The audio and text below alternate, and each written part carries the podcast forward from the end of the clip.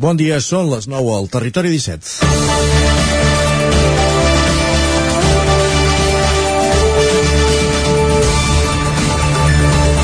Un cop acabada la Guerra Civil Espanyola, els tribunals franquistes van utilitzar de manera massiva els judicis sumaríssims com a eina de repressió i depuració de la societat. Com a resultat, milers de persones van ser empresonades per les seves idees i, en el pitjor dels casos, van ser condemnades a mort. Aquest dissabte, coincidint amb el 46è aniversari de la mort de Francisco Franco, la consellera de Justícia, Lourdes Ciuró, va ser a Taradell per participar en una jornada de reparació jurídica i de memòria històrica. En aquest poble d'Osona, 45 persones van passar per aquest procés militar sense garanties de defensa defensa amb una sentència ràpida i una execució immediata. Vuit taradellencs van acabar fusellats i la gran majoria no es van escapar de la presó.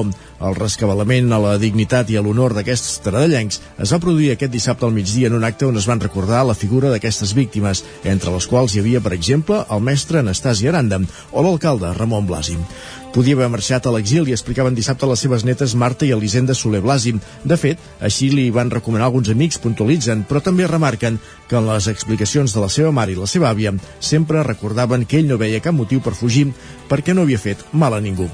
Les idees republicanes, però, van portar la mort per afusellament al camp de la Bota el 26 de maig de 1939. L'arbitrarietat del fet s'accentua si es té en compte que el bisbat de Vic va enviar una carta avalant la trajectòria de Blasi, però va arribar hores després de la seva execució. A Catalunya, el règim franquista va realitzar més de 69.000 judicis sumaríssims i més de 1.700 sentències feien referència a persones amb origen usonenc, sent la tercera comarca de Catalunya més causes obertes per darrere del barcelonès i el segrià. I avui és dilluns, 22 de novembre de 2021. Benvinguts al Territori 17, a la sintonia de Ràdio Cardedeu, la veu de Sant Joan, Ona Codinenca, Ràdio Vic, el 9 FM i el 9 TV. Territori 17, amb Isaac Moreno i Jordi Sunyer.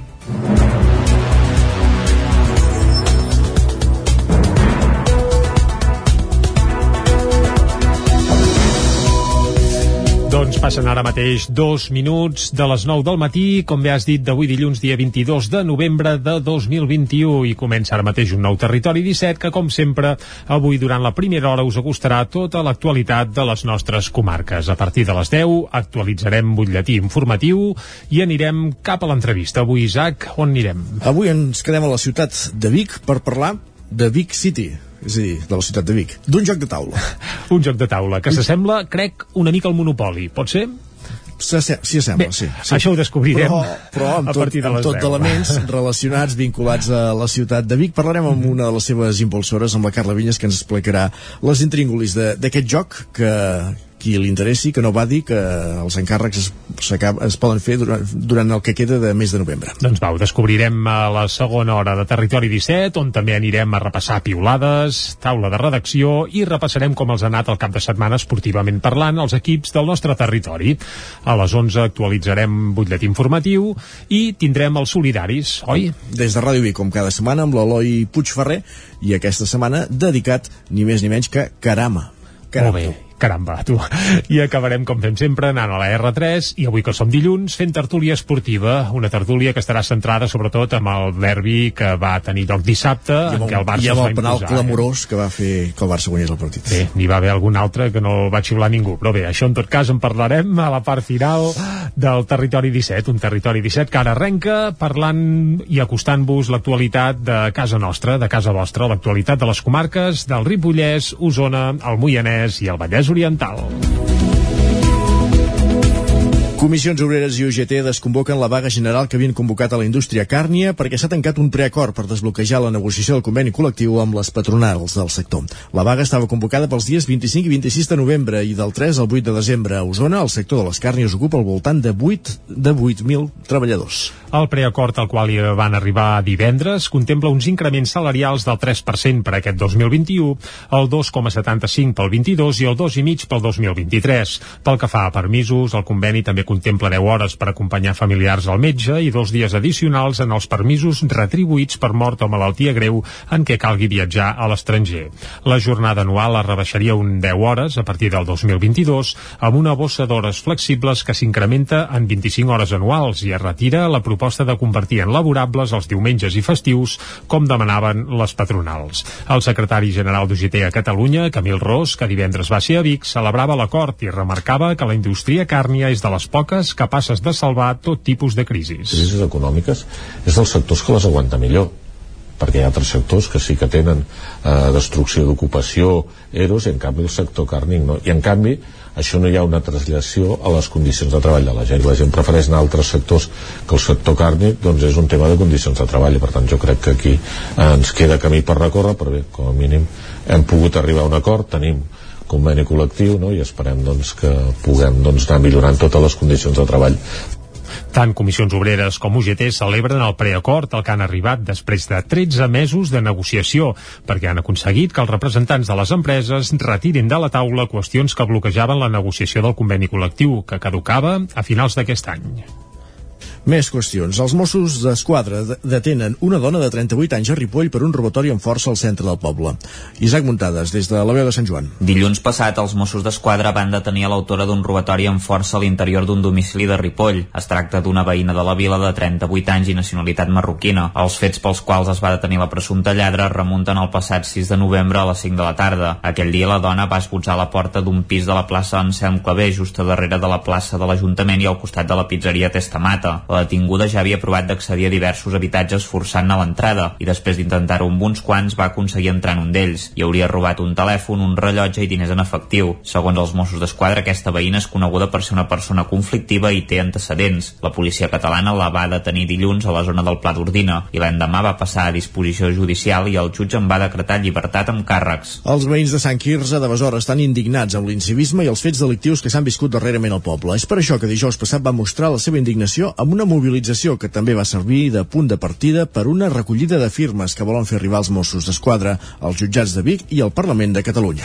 Els veïns de Sant Quirze de Besora se senten preocupats, impotents i indignats davant l'escalada de fets delictius al poble i als municipis veïns com Montesquieu aquestes darreres setmanes. Al darrer episodi, una veïna a qui li van cremar el cotxe davant de casa seva la setmana passada. El consistori en bloc va convocar una concentració per respondre a la inseguretat i, sobretot, per fer-se sentir davant de les autoritats entitats i institucions com Mossos d'Esquadra, el Departament d'Interior o el Parlament de Catalunya.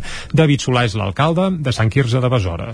Estem un moment crític, que en pobles petits això encara és més crític i que ens sentim desemparats i sols i que no veiem una solució ràpida per aquests problemes. Que estem entrant en una espiral d'incivisme i de vandalisme que, que és inexplicable en un poble com Sant Quirze i ens sentim desemparats per accelerar les solucions a aquest augment de furts, robatoris, crema de vehicles o l'incendi al bar de les piscines, durant la mobilització també es va iniciar una recollida de firmes que s'ha allargat durant tot aquest cap de setmana. Les volen fer arribar als Mossos d'Esquadra d'Osona, a Interior i als jutjats de Vic.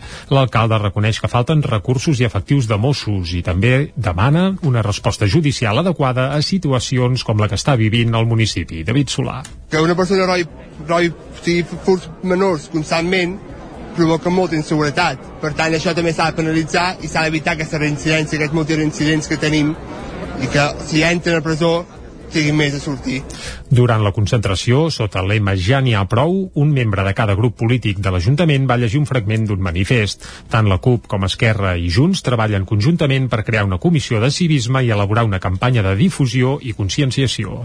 I a Vic, veïns de l'antic abocador de Cal Gitanet es queixen d'una plaga de cucs. Els animals provenen dels prats que hi ha on abans hi havia deixalles i escombraries. Des del Consell Comarcal d'Osona reconeixen la problemàtica però apunten que ja estan aplicant un tractament i que està funcionant. Fa entre 3 i 4 centímetres i es coneix popularment amb el nom de mil peus. És un cuc de color negre, força comú a Osona, però que a l'entorn de l'antic abocador de Cal Gitanet s'ha convertit en una autèntica plaga.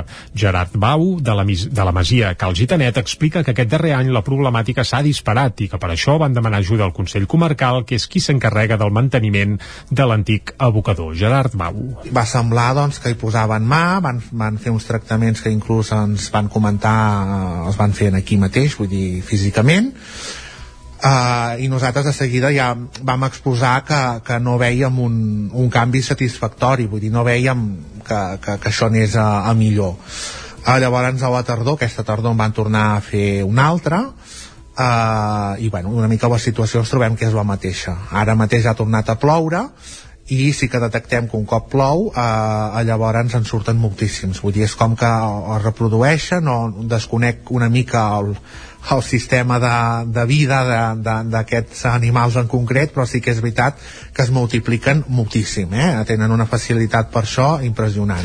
La problemàtica afecta sobretot a dos habitatges i a les activitats econòmiques que es fan a la zona, on hi ha un centre d'equitació, un centre residencial per a persones amb discapacitat intel·lectual, una escola lliure i un espai d'hostaleria per a esdeveniments i festes. La sensació de desconcert i d'impotència ha portat a Bau a fer públic el seu malestar per una situació amb episodis molt desagradables. Aixeques el, al coixí del llit i te'n pots sortir un perquè és que ens hi hem trobat vull dir, no és una cosa i és clar. Uh, jo penso que ja moralment arriba, arribes a un punt que al principi pots aguantar però al final ja dius uh, no, és que no ja, ja no són només els danys econòmics és, és, és el moral d'haver de, de, de conviure amb aquesta plaga. Des del Consell Comarcal expliquen que estan al cas de la problemàtica i remarquen que ja estan fent un tractament per frenar la plaga de mil peus. Segons el Consell, a més, el tractament estaria donant resultat. Les obres de la rotonda de Riells del FAI avancen a bon ritme i es preveu que finalitzin en el termini previst, el primer trimestre de 2022, que era el campàs, des d'Ona Codinenca. Els treballs de la rotonda de Riells del FAI ja comencen a ser visibles. La Diputació de Barcelona va iniciar aquest projecte per transformar la Cruïlla en una rotonda i així dotar-la de seguretat. Fins ara s'han acabat la part hidràulica i els moviments de terres per estabilitzar els talusos i també s'ha excavat un col·lector destinat a la recollida d'aigua. El passat dilluns es van començar els treballs d'asfaltat, permetent en tot moment la circulació. Albert Darder, encarregat de l'obra, diu que des que es va presentar el projecte fins ara hi ha hagut alguns canvis. Ha hagut un petit canvi, el... s'ha decidit eh, salvar l'arbre aquest que tenim aquí darrere, s'ha desviat una miqueta la carretera eh, i, bueno, mm, poc més, no hi ha més canvis eh, substancials. Les obres també han patit diverses alteracions, un fet que ha modificat el calendari de l'execució dels treballs. Robert Garcia, arquitecte tècnic, valorava així aquesta execució. La valoració és bona perquè les obres, pese que hem tingut, s'han hagut problemes, però a, a, que són línies a, a l'obra, tema Covid, a l'agost, eh, tema incendis, que es va parar tot, ara els serveis, pues, dintre de tots els problemes que n'hi ha pel tema d'aquestes obres, que és lo normal, pues, l'obra va a bon ritme a veure, nosaltres esperem que es retardarà una mica l'entrega, però que els té afectats més o menys podrà estar. Aquesta setmana han començat els treballs de delimitació interior de la rotonda. Segons el calendari previst, les obres finalitzaran el mes de març i tindran un cost de 566.000 euros. Torna la recollida de joguines solidària a Cardedeu aquest any amb la idea de poder fer també un intercanvi de joguines i donar-los així un nou ús. Núria Lázaro, des de Ràdio Televisió de Cardedeu. Dissabte a Cardedeu es va iniciar la segona recollida solidària de joguines. La iniciativa l'organitza la xarxa de suport mutu i totes les AFAs de les escoles i instituts de Cardedeu. Es recullen joguines, material escolar, material esportiu i llibres per a infants, que es classifiquen per edats, al màxim 100 fins als 14. A més, enguany també s'han centrat en conscienciar els infants sobre un model de consum més sostenible. Oriol Gil i Sílvia Pla cosa important era la reutilització de les joguines, donar-li una segona vida. Aquelles joguines que, pel que sigui, ja no s'utilitzen a casa, donar-los l'oportunitat de poder anar a una altra família i que puguin ser utilitzades. Exacte, és que la, la idea d'aquest any no era només... O sigui, no era la idea de eh, ajudem i sem, siguem solidaris, sinó que hem fet molta més força amb el tema eh, jo dono joguines, jo agafo joguines. Una mica perquè ens comencem a acostumar a que les joguines no acaben la vida amb, un sol, amb una sola criatura sinó que la pot fer servir una altra i una altra i una altra i així generem menys residus al planeta. Els nens són més conscients de no trencar joguines perquè després aquesta joguina la farà servir un altre nen com tu i, i això també és educació. Vull dir que d'alguna manera pretenem o la idea bonica seria aquesta a part d'aquest passat dissabte el proper dia 27 de novembre també es podrà anar a donar joguines a Vilapaquita i tot allò recollit entre les dues jornades es repartirà el dia 10 de novembre de 10 a 7 a més, a part de l'entrega del dia 10 part del material obtingut en les dues jornades anirà destinat a diverses ONGs i associacions sense ànim de lucre que seran qui posteriorment el repartiran. Gràcies, Núria. Acabem aquí aquest repàs informatiu que començàvem a les 9 i que hem fet en companyia de Núria Lázaro, com sentíem, Caral Campàs, Isaac Muntades i Jordi Sunyer.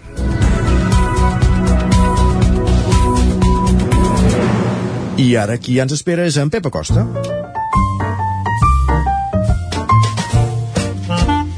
Casa Terradellos us ofereix el temps. Un Pep Acosta que avui es lleva eufòric perquè s'acosten canvis i ens els anuncia doncs, a bombo i platarets, com sempre, i ja el saludem de seguida. Va, Pep, molt bon dia. Hola, molt bon dia. I molt bona hora. Què tal ha estat cap de setmana? Molt bé. Espero que tot bé. 1 a 0. Que tothom hagi tingut un gran cap de setmana i que també tothom comenci amb molt bon peu la setmana laboral, que segur que serà molt intensa i dura. Pel que fa al temps, anem -hi, anem -hi. serà una setmana molt excitant. Una setmana Carai. molt excitant i una setmana on s'ha de seguir el temps minut a minut. Doncs ho farem amb tu, clar. Gairebé uh -huh. segon a segon perquè s'està formant una depressió a la costa catalana uh, i ens portarà una llevantada de primeríssima categoria. El cap de setmana eh, ja s'ha anat eh, ennubulant cada dia més i les temperatures per això han sigut encara eh, molt, molt suaus de dia si estava força bé les nits no han estat molt fredes no han estat molt fredes degut a aquest, aquesta núvolitat més abundant i és que ha fet com de sempre ho dic, fa com de matalàs fa com de de manta a les nits els núvols així els nits no són tan fredes. I avui ja tenim més núvols cada vegada més núvols. Uh, és veritat que cap de setmana jo poder diumenge m'esperava una mica més de pluges en algun lloc cap al Pirineu ha plogut una mica però molt poca cosa. I a partir d'avui a partir d'avui sí que ja començarà a ploure més. Uh, com deia avui cada vegada més núvols a partir del migdia començarà a precipitar. La pluja avui més important cap al prelitoral. Uh, comença aquesta llevantada mm, i clar, com més a prop del mar mm, més, més importants són els efectes. Doncs començarà a ploure cap al prelitoral cap al migdia. Avui les pluges eh, com a molt jo crec entre 10, 15 20 litres en general. La temperatura començarà a baixar i és que independentment d'aquesta entrada de vent de llevant eh, també tenim una entrada d'aire més fred. Eh, per tant les temperatures aniran baixant. Serà un dia fred un dia tèrbol, un dia amb vent un dia eh, d'hivern 100% la cota de neu es situarà a uns 1.200-1.300 metres. Nevada important cap al Montseny eh, parts més altes de Guilleries cap al transversal i també, atenció, nevada molt important cap al Pirineu. A Ripollès serà una nevada molt important, això, a partir de 1.100, 1.200 metres. Eh? El Pirineu nevada molt important a partir d'aquesta tarda. Les temperatures màximes quedaran més baixes, les mínimes han quedat molt semblants al cap, al cap de setmana. I també una altra manera de destacar és el vent el vent i ja està bufant en cops de 40-50 km per hora cap als, als cims més alts del Peitoral del Munt i del Pirineu. Atenció que aquest vent també anirà en augment i permet cops de 40, 50, 60 km per hora en zones habitades. Per tant precaució també amb el vent. Uh, un dia que serà uh, autènticament molt interessant que vam anar seguint minut a minut i aviam què passa amb aquesta uh, impressionant llevantada que ja tenim aquí, aquí a, a sobre. Uh, com deia, avui en augment, encara no molta precipitació, com a molt uns 20 litres, la nevada que s'anirà intensificant a uns 1.200 metres, i el vent, que també mica a mica es anirà intensificant. Demà i dimecres seran els dos dies on la llevantada ens afectarà més, la puig afectarà més, i la nevada serà molt important cap a zona del Pirineu. Moltes gràcies, adeu Adéu, Vilet. Exacte, que vagi molt bé. A les 10 ens escoltem de nou perquè ens tornis a posar el dia de la informació meteorològica. Hem d'estar-ne pendents segon a segon. Ja ens ho ha dit bé prou, perquè aquesta setmana vindrà moguda, meteorològicament parlant, evidentment. Anem cap al quiosc. som ràpidament. Doncs Casa Tarradellas us ha ofert aquest espai. Territori 17. Envia'ns les teves notes de veu per WhatsApp al 646 079 023. 646 079 023. WhatsApp Territori 17.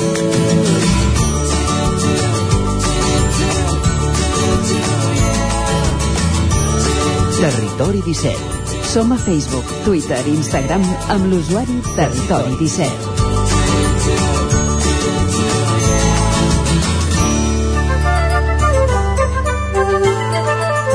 I com bé deies, moment d'entrar al quiosc i conèixer què diuen les portades dels diaris publicats avui, com a bon dilluns, amb el 9-9 per Exacte. començar. Doncs arrenquem amb el 9-9 i ho farem avui amb l'edició del Vallès Oriental que titula que Sant Miquel del Fai reobrirà la primavera després de 5 anys que, de tancament i ho farà amb accés lliure. Uh, segur que hi has anat eh, alguna vegada, Isaac, a Sant Miquel Fa, del fa Fai? molts anys. Doncs clar, és que molts. fa 5 anys que resulta que estava tancat, però s'ho ha, ha quedat la Diputació de Barcelona. Cinc Sembla i més quan- de cinc, eh? Sí, el, el- el meu cas. jo crec que jo, bueno, sí, jo, jo fa 6 o 7 anys crec que hi havia anat encara, just abans que ho tanquessin. Però vaja, la conclusió és que reobrirà aquesta primavera i ho farà amb accés lliure eh, després de- d'això de, de que es quedés tot l'espai la Diputació de Barcelona. A la portada del 9-9 del Vallès també apareix que el sector lleter eh, té un futur incert. Fa poc en parlàvem en el cas d'Osona, el Vallès també ho està passant malament i ara mateix només queden 30 explotacions al Vallès Oriental de vacum de llet, quan fa uns anys n'hi havia 300. És a dir, fa 20 anys n'hi havia 300, ara en queden 30. Amb això gairebé està tot dit. Uh, també el Franklin Granollers es referma al capdavant. Per què? Doncs perquè es va imposar la pista del Cuenca per 29 a 34. Per això ho repassarem també després uh, quan valorem com els ha anat esportivament el cap de setmana als equips del nostre territori. Anem a la portada del 9-9 d'Osona i el Ripollès cobra explicant repunt de denúncies per violència de gènere després del parèntesi de la pandèmia. Durant el confinament les xifres quedaven emmascarades, explica el 9-9, perquè no es denunciava aquest dijous passat, recordem, bueno, aquest dijous, Dijous que ve, aquest 25 de dijous que ve, novembre. correcte, es, es commemora el 25N. Més coses que apareixen a la portada del 9-9 d'Osona i el Ripollès, acte de repressió històrica a Taradell. Avui a l'hora d'obrir el programa, a l'editorial, Isaac, em feies referència a aquest acte que es va fer amb la presència de la consellera de Justícia, Lourdes Ciuró, en què es van lliurar els documents de nulitat de judicis franquistes a més de 40 famílies vinculades amb Taradell. Precisament es va fer tot plegat el mateix dia que es complia el 46è aniversari de la mort de Franco. Correcte. Molt bé, més coses que apareixen a la portada del 9-9 d'Osona i el Ripollès, doncs que un film sobre l'Antàrtida guanya el Festival BBVA de Cinema de Muntanya de Torelló. So. I, i després d'això anem cap a les portades d'àmbit nacional. Totes caducades, ja t'ho dic ara, eh? Uh, bé, ja passa sovint, però... Hi ha una última hora que és que el president aragonès ha anunciat al govern que ha arribat un preacord amb els comuns per salvar els pressupostos. Ara, pla. Totes caducades, ja t'ho dic. Uh, bé, ja és el que té. Però bé, tot, tot, comencem pel punt avui, que no obre parlant de pressupostos ni de que estan encallats, sinó que parla de morir a la carretera. Han fet un dossier especial sobre les tragèdies a la carretera i en aquest cas, doncs, uh, apareix a la foto en Pere vell veí que Mm. és víctima d'un accident de trànsit i s'ha quedat eh, bé, sense cames i, apareix amb una fotografia espectacular i diu vaig tenir un accident molt greu però ho puc explicar la recuperació de la mobilitat ha disparat l'accident- l'accidentalitat amb víctimes mortals expliquen des del punt avui també els pressupostos obren una nova crisi al govern un titular que com bé deies aquest sí que ja estaria entre cometes relativament caducat No, si es la- confirma aquest acord La- entre la, la, crisi de, Aragonès la crisi de govern és permanent. però sí, aquesta. deixa'm dir que, clar, han arribat a un acord amb els comuns, però Correcte. Junts què farà? No, no, Perquè, clar, és, és que que- aquí és l'altra història, eh? Uh, bé, bé, bé.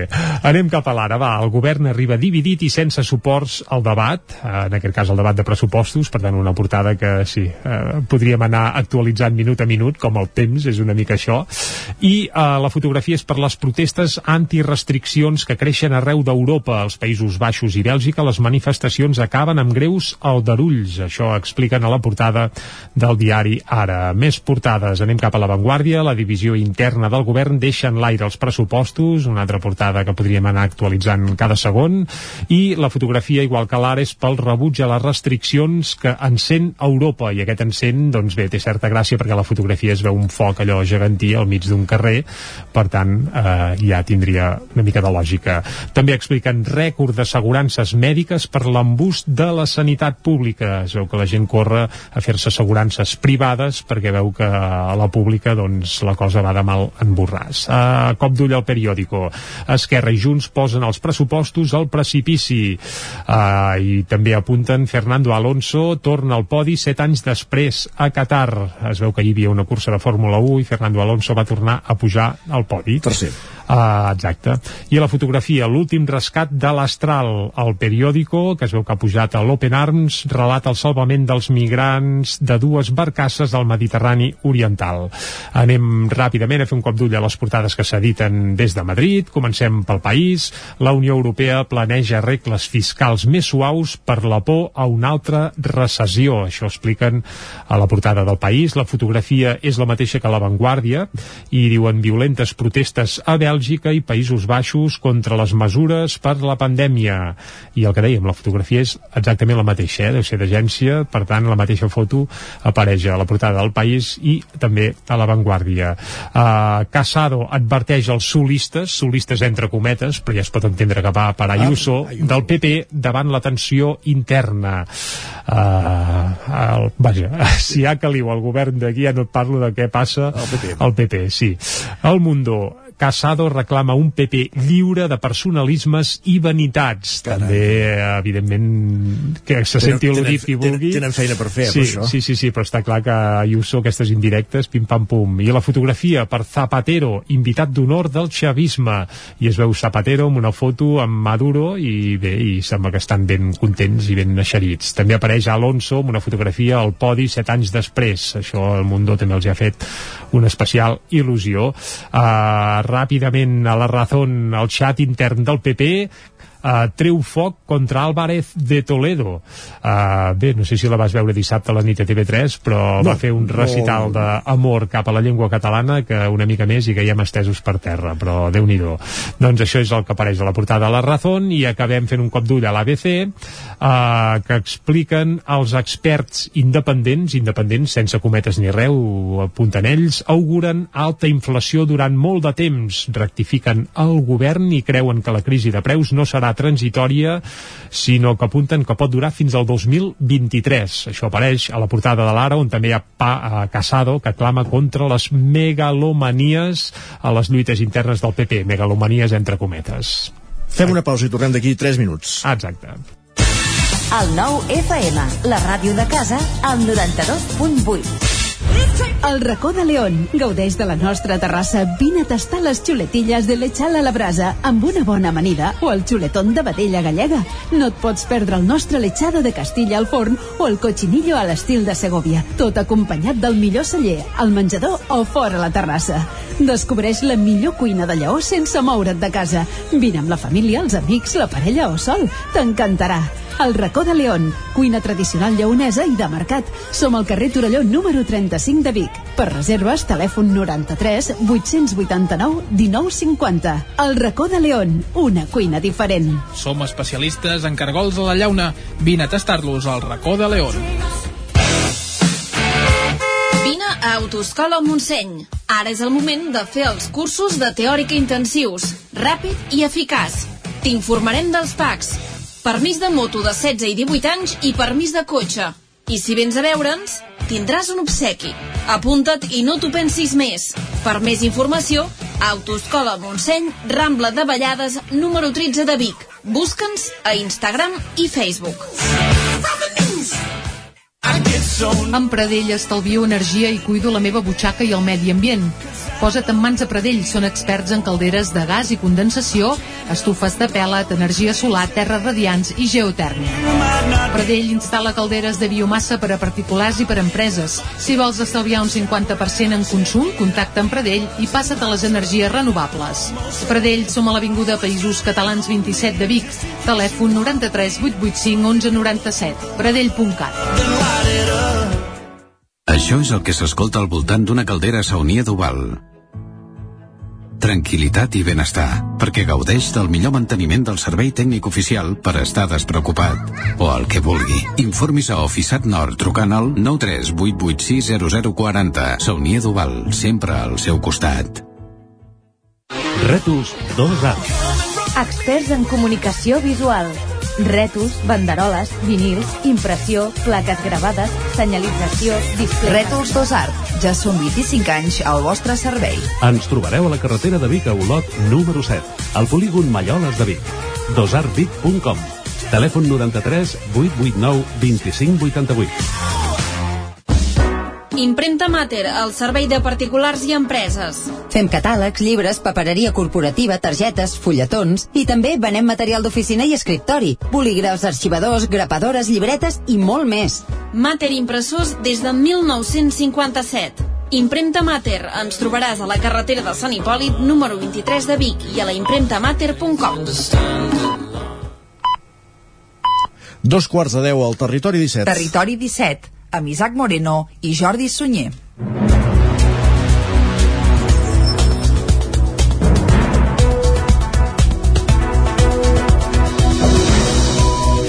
I a dos quarts de deu en punt, el que farem és acostar-vos de nou, de seguida, tota l'actualitat de les nostres comarques. Però abans ja us avancem una mica al menú fins al punt del migdia. Deixa'm abans, 10, Jordi, deixa'm abans fer un apunt de trànsit, perquè va. tenim la C-17 amb, Amb problemes. amb, amb obres a tot el traçat, pràcticament. I això vol dir molts embussos. No, ho, im, O no? ho intuïm. Uh, obres a la, a la Llagosta en ambdós sentits. Uh, en fi, obres uh, a la Garriga en ambdós sentits. Uh, i més obres, eh, encara N'hi- hi ha diverses alertes de, de trànsit de la C-17 al llarg de tot el recorregut de trams en obres que evidentment Mhm. hi ha restriccions a causa d'aquests incidents i, i les conseqüents afectacions Doncs bé, paciència si esteu en un d'aquests embussos i tant de bo doncs, sigui, sigui lleu i breu. Uh, fet aquest apunt de trànsit, uh, el que dèiem, us avancem una mica al menú fins al punt de les 12 del migdia, abans de les 10 hi posarem música i tal com vam avançar divendres, escoltarem uh, una nova cançó de Sau. Carai. Bé, per ser fidels uh, d'allò, cal dir que és de Sau 30, que és aquesta banda que, ara va ressuscitar ja fa un parell d'anys per commemorar el 30è aniversari del naixement de Sau. En Carles Sabater no hi és, però hi ha un cantant nou que es diu Jonathan Argüelles i resulta que aquests darrers dies Sau ha estat gravant cançons noves. Fins ara només havia fet revivals i repescar cançons ja antigues doncs l'any vinent eh, Sau 30 traurà un disc que es dirà Mil i una nits i uns quants dies i avui n'avançarem eh, un primer single. Això serà eh, abans de les 10 i el que recuperen és una de les bandes originals de Sau, eh, diguéssim. Sí, sí, els Quim músics són pràcticament exacte, Ramon Altimira als teclats, en Pep Sánchez al baix, etc. José Luis Pérez a la guitarra. Sí, bé, aquest es va afegir més tard, però sí, sí, diguem que la formació és la- l'original, amb Pep Sala, i el cantant, això sí, Jonathan Argüelles, que per cert era el cantant d'una banda de tribut a Sau. Es va fer amic d'en Pep Sala i, guaita, i al final l'ha acabat fitxant com a cantant del Sau, entre cometes, titulars.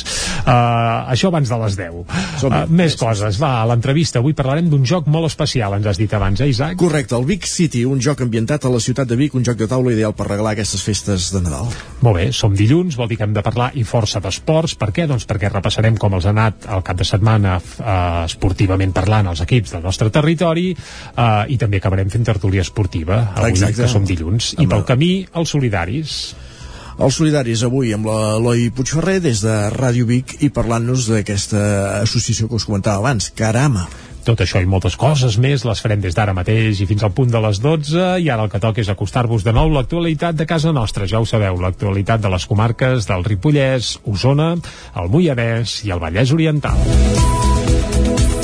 Comissions Obreres i UGT desconvoquen la vaga general que havien convocat a la indústria càrnia perquè s'ha tancat un preacord per desbloquejar la negociació del conveni col·lectiu amb les patronals del sector.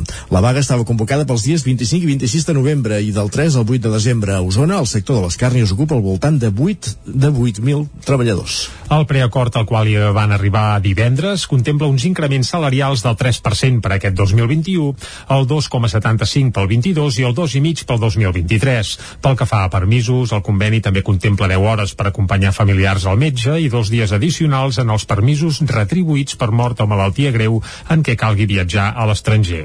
La jornada anual es rebaixaria un 10 hores a partir del 2022 amb una bossa d'hores flexibles que s'incrementa en 25 hores anuals i es retira la proposta de convertir en laborables els diumenges i festius com demanaven les patronals. El secretari general d'UGT a Catalunya, Camil Ros, que divendres va ser a Vic, celebrava l'acord i remarcava que la indústria càrnia és de les poques capaces de salvar tot tipus de crisis. crisis econòmiques és dels sectors que les aguanta millor perquè hi ha altres sectors que sí que tenen eh, destrucció d'ocupació, eros, i en canvi el sector càrnic no. I en canvi això no hi ha una traslació a les condicions de treball de la gent. La gent prefereix anar a altres sectors que el sector càrnic doncs és un tema de condicions de treball i per tant jo crec que aquí eh, ens queda camí per recórrer, però bé, com a mínim hem pogut arribar a un acord, tenim conveni col·lectiu no? i esperem doncs, que puguem doncs, anar millorant totes les condicions de treball tant Comissions Obreres com UGT celebren el preacord al que han arribat després de 13 mesos de negociació, perquè han aconseguit que els representants de les empreses retirin de la taula qüestions que bloquejaven la negociació del conveni col·lectiu, que caducava a finals d'aquest any.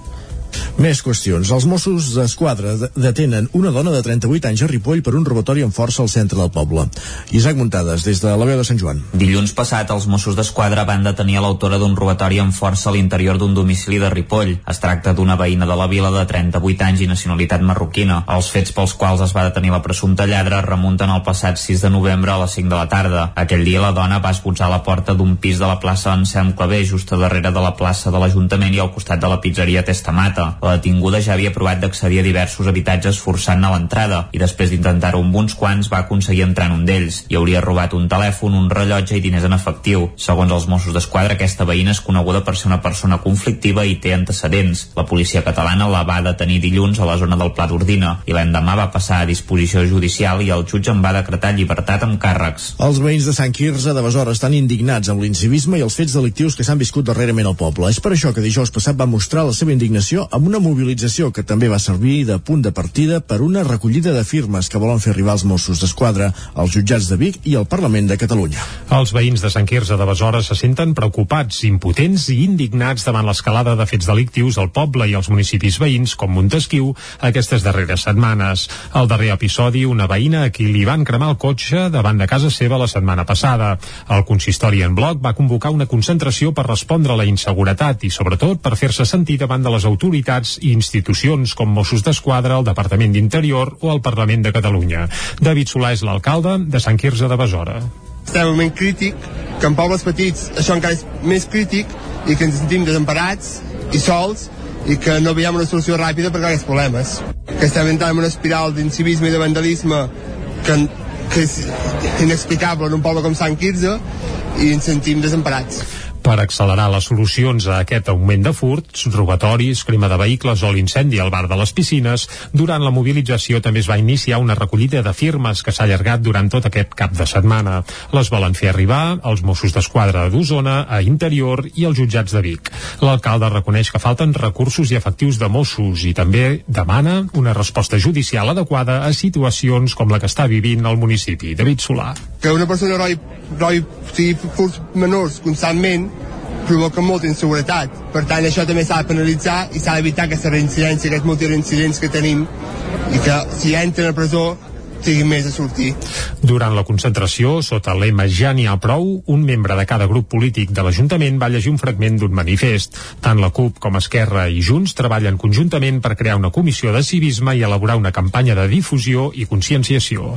I a Vic, veïns de l'antic abocador de Cal Gitanet es queixen d'una plaga de cucs. Els animals provenen dels prats que hi ha on abans hi havia deixalles i escombraries. Des del Consell Comarcal d'Osona reconeixen la problemàtica, però apunten que ja estan aplicant un tractament i que està funcionant. Fa entre 3 i 4 centímetres i es coneix popularment amb el nom de mil peus. És un cuc de color negre, força comú a Osona, però que a l'entorn de l'antic abocador de Cal Gitanet s'ha convertit en una autèntica plaga. Gerard Bau, de la, de la Masia Cal Gitanet, explica que aquest darrer any la problemàtica s'ha disparat i que per això van demanar ajuda al Consell Comarcal Municipal, que és qui s'encarrega del manteniment de l'antic abocador. Gerard Bau. Va semblar doncs, que hi posaven mà, van, van fer uns tractaments que inclús ens van comentar, eh, els van fer aquí mateix, vull dir, físicament, Uh, i nosaltres de seguida ja vam exposar que, que no veiem un, un canvi satisfactori vull dir, no veiem que, que, que això anés a, a millor uh, llavors a la tardor, aquesta tardor en van tornar a fer una altra uh, i bueno, una mica la situació ens trobem que és la mateixa. Ara mateix ha tornat a ploure i sí que detectem que un cop plou eh, llavors en surten moltíssims. Vull dir, és com que es reprodueixen o desconec una mica el, el sistema de, de vida d'aquests animals en concret però sí que és veritat que es multipliquen moltíssim eh? tenen una facilitat per això impressionant La problemàtica afecta sobretot a dos habitatges i a, les activitats econòmiques que es fan a la zona on hi ha un centre d'equitació, un centre residencial per a persones amb discapacitat intel·lectual, una escola lliure i un espai d'hostaleria per a esdeveniments i festes. La sensació de desconcert i d'impotència ha portat a Bau a fer públic el seu malestar per una situació amb episodis molt desagradables. Aixeques el, el coixí del llit i te'n pots sortir un perquè és que ens hi hem trobat, vull dir, no és una cosa i és clar, uh, jo penso que ja moralment arriba, arribes a un punt que al principi pots aguantar però al final ja dius uh, no, és que no ja, ja no són només els danys econòmics és, és, és el moral d'haver de, de, de conviure amb aquesta plaga. Des del Consell Comarcal expliquen que estan al cas de la problemàtica i remarquen que ja estan fent un tractament per frenar la plaga de mil peus. Segons el Consell, a més, el tractament estaria donant resultat. Les obres de la rotonda de Riells del FAI avancen a bon ritme i es preveu que finalitzin en el termini previst, el primer trimestre de 2022, que era el campàs des d'Ona Codinenca. Els treballs de la rotonda de Riells del FAI ja comencen a ser visibles. La Diputació de Barcelona va iniciar aquest projecte per transformar la cruïlla en una rotonda i així dotar-la de seguretat. Fins ara s'han acabat la part hidràulica i els moviments de terres per estabilitzar els talusos i també s'ha excavat un col·lector destinat a la recollida d'aigua. El passat dilluns es van començar els treballs d'asfaltat permetent en tot moment la circulació. Albert Darder, encarregat de l'obra, diu que des que es va presentar el projecte fins ara hi ha hagut alguns canvis. Ha hagut un petit canvi, s'ha decidit eh, salvar l'arbre aquest que tenim aquí darrere, s'ha desviat una miqueta la carretera eh, i, bueno, mm, poc més, no hi ha més canvis eh, substancials. Les obres també han patit diverses alteracions, un fet que ha modificat el calendari de l'execució dels treballs. Robert Garcia, arquitecte tècnic, valorava així aquesta execució. La valoració és bona perquè les obres, pese que hem tingut, s'han hagut problemes, però a, a, que són línies a, a l'obra, tema Covid, a l'agost, eh, tema incendis, que es va parar tot, ara els serveis, pues, dintre de tots els problemes que n'hi ha pel tema d'aquestes obres, que és lo normal, pues, l'obra va a bon ritme. A veure, nosaltres esperem que es retardarà una mica l'entrega, però que els té afectats més o menys podrà estar. Aquesta setmana han començat els treballs de delimitació interior de la rotonda. Segons el calendari previst, les obres finalitzaran el mes de març i tindran un cost de 566.000 euros. Torna a la recollida de joguines solidària a Cardedeu aquest any amb la idea de poder fer també un intercanvi de joguines i donar-los així un nou ús. Núria Lázaro, des de Ràdio Televisió de Cardedeu. Dissabte a Cardedeu es va iniciar la segona recollida solidària de joguines. La iniciativa l'organitza la xarxa de suport mutu i totes les AFAs de les escoles i instituts de Cardedeu. Es recullen joguines, material escolar, material esportiu i llibres per a infants, que es classifiquen per edats, al màxim 100 fins als 14. A més, enguany també s'han centrat en conscienciar els infants sobre un model de consum més sostenible. Oriol Gil i Sílvia Pla. Una cosa important era la reutilització de les joguines, és donar-li una segona vida. Aquelles joguines que, pel que sigui, ja no s'utilitzen a casa, donar-los l'oportunitat de poder anar a una altra família i que puguin ser utilitzades. Exacte, és que la, la idea d'aquest any no era només... O sigui, no era la idea de eh, ajudem i sem, siguem solidaris, sinó que hem fet molta més força amb el tema eh, jo dono joguines, jo agafo joguines. Una mica perquè ens comencem a acostumar a que les joguines no acaben la vida amb, un sol, amb una sola criatura sinó que la pots fer servir una altra i una altra i una altra i així generem menys residus al planeta. Els nens són més conscients de no trencar joguines perquè després aquesta joguina la farà servir un altre nen com tu i, i això també és educació vull dir que d'alguna manera pretenem o la idea bonica seria aquesta. A part d'aquest passat dissabte el proper dia 27 de novembre també es podrà anar a donar joguines a Vilapaquita. I tot allò recollit entre les dues jornades es repartirà el dia 10 de novembre de 10 a 7 a més, a part de l'entrega del dia 10 part del material obtingut en les dues jornades anirà destinat a diverses ONGs i associacions sense ànim de lucre que seran qui posteriorment el repartiran repartiran. Gràcies, Núria. Acabem aquí aquest repàs informatiu que començàvem a les 9 i que hem fet en companyia de Núria Lázaro, com sentíem, Caral Campàs, Isaac Muntades i Jordi Sunyer.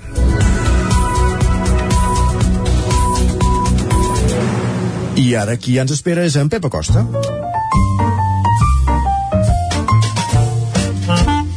Casa Terradellos us ofereix el temps.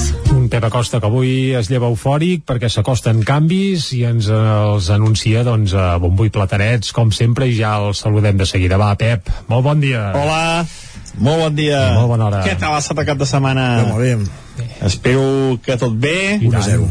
Que tothom hagi tingut un gran cap de setmana i que també tothom comenci amb molt bon peu la setmana laboral, que segur que serà molt intensa i dura. Pel que fa al temps, anem, anem. serà una setmana molt excitant. Una setmana molt excitant i una setmana on s'ha de seguir el temps minut a minut. Doncs ho farem amb tu, clar. Gairebé segon a segon perquè s'està formant una depressió a la costa catalana uh, i ens portarà una llevantada de primeríssima categoria.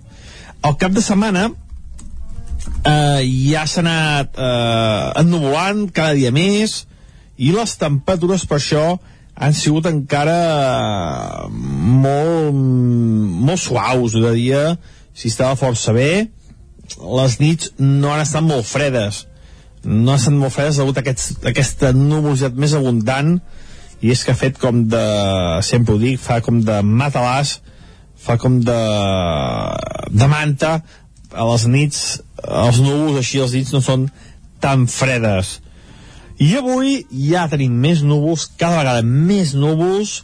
Uh, és veritat que cada setmana jo poder diumenge m'esperava una mica més de pluges en algun lloc cap al Pirineu ha plogut una mica però molt poca cosa. I a partir d'avui a partir d'avui sí que ja començarà a ploure més uh, com deia avui cada vegada més núvols. A partir del migdia començarà a precipitar. La pluja avui més important cap al prelitoral. Uh, comença aquesta llevantada. Mm, i clar, com més a prop del mar mm, més, més importants són els efectes. Doncs començarà a ploure cap al prelitoral cap al migdia. Avui les pluges eh, com a molt jo crec entre 10, 15 20 litres en general la temperatura començarà a baixar. I és que independentment d'aquesta entrada vent de llevant eh, també tenim una entrada d'aire més fred. Eh, per tant les temperatures aniran baixant. Serà un dia fred un dia tèrbol, un dia amb vent un dia eh, d'hivern 100% la cota de neu es situarà a uns 1.200-1.300 metres. Nevada important cap al Montseny eh, parts més altes de Guilleries cap al transversal i també atenció, nevada molt important cap al Pirineu a Ripollès serà una nevada molt important això, a partir de 1.100 1.200 metres, eh? el Pirineu nevada molt important a partir d'aquesta tarda. Les temperatures màximes quedaran més baixes les mínimes han quedat molt semblants al cap, al cap de setmana. I també una altra manera de destacar és el vent el vent ja està bufant en cops de 40-50 km per hora cap als, als cims més alts del Peritoral del Munt i del Pirineu. Atenció que aquest vent també anirà en augment i permet cops de 40-50-60 km per hora en zones habitades. Per tant precaució també amb el vent. Uh, un dia que serà uh, autènticament molt interessant que vam anar seguint minut a minut. I aviam què passa amb aquesta uh, impressionant inventada que ja tenim aquí, aquí a, a sobre. Uh, com deia, avui en augment, encara no molta precipitació, com a molt uns 20 litres, la nevada que s'anirà intensificant a uns 1.200 metres i el vent que també mica a mica es anirà intensificant. Demà i dimecres seran els dos dies on la llevantada ens afectarà més, la puig afectarà més i la nevada serà molt important cap a la zona del Pirineu. Moltes gràcies, adeu. Adéu, Vilet. Exacte, que vagi molt bé. A les 10 ens escoltem de nou perquè ens tornis a posar el dia de la informació meteorològica. Hem d'estar-ne pendents segon a segon. Ja ens ho ha dit ben prou, perquè aquesta setmana vindrà moguda, meteorològicament parlant, evidentment. Anem cap al quiosc. som ràpidament. Doncs Casa Tarradellas us ha ofert aquest espai. Territori 17. Envia'ns les teves notes de veu per WhatsApp al 646 079 023. 646 079 023. WhatsApp Territori 17.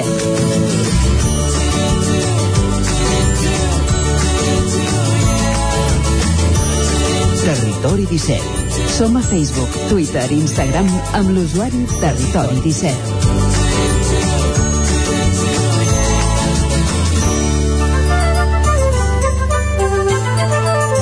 I com bé deies, moment d'entrar al quiosc i conèixer què diuen les portades dels diaris publicats avui, com a bon dilluns, amb el 9-9 per Exacte. començar. Doncs arrenquem amb el 9-9 i ho farem avui amb l'edició del Vallès Oriental que titula que Sant Miquel del Fai reobrirà la primavera després de 5 anys que, de tancament i ho farà amb accés lliure. Uh, segur que hi has anat eh, alguna vegada, Isaac, a Sant Miquel Fa, del fa Fai? molts anys. Doncs clar, molts. que fa 5 anys que resulta que estava tancat, però això ha, s'ho ha quedat la Diputació de Barcelona. Cinc Sembla i més quan- de cinc, eh? Sí, el meu bé, cas. jo crec que jo, bueno, sí, jo, jo fa 6 o 7 anys crec que hi havia anat encara, just abans que ho tanquessin.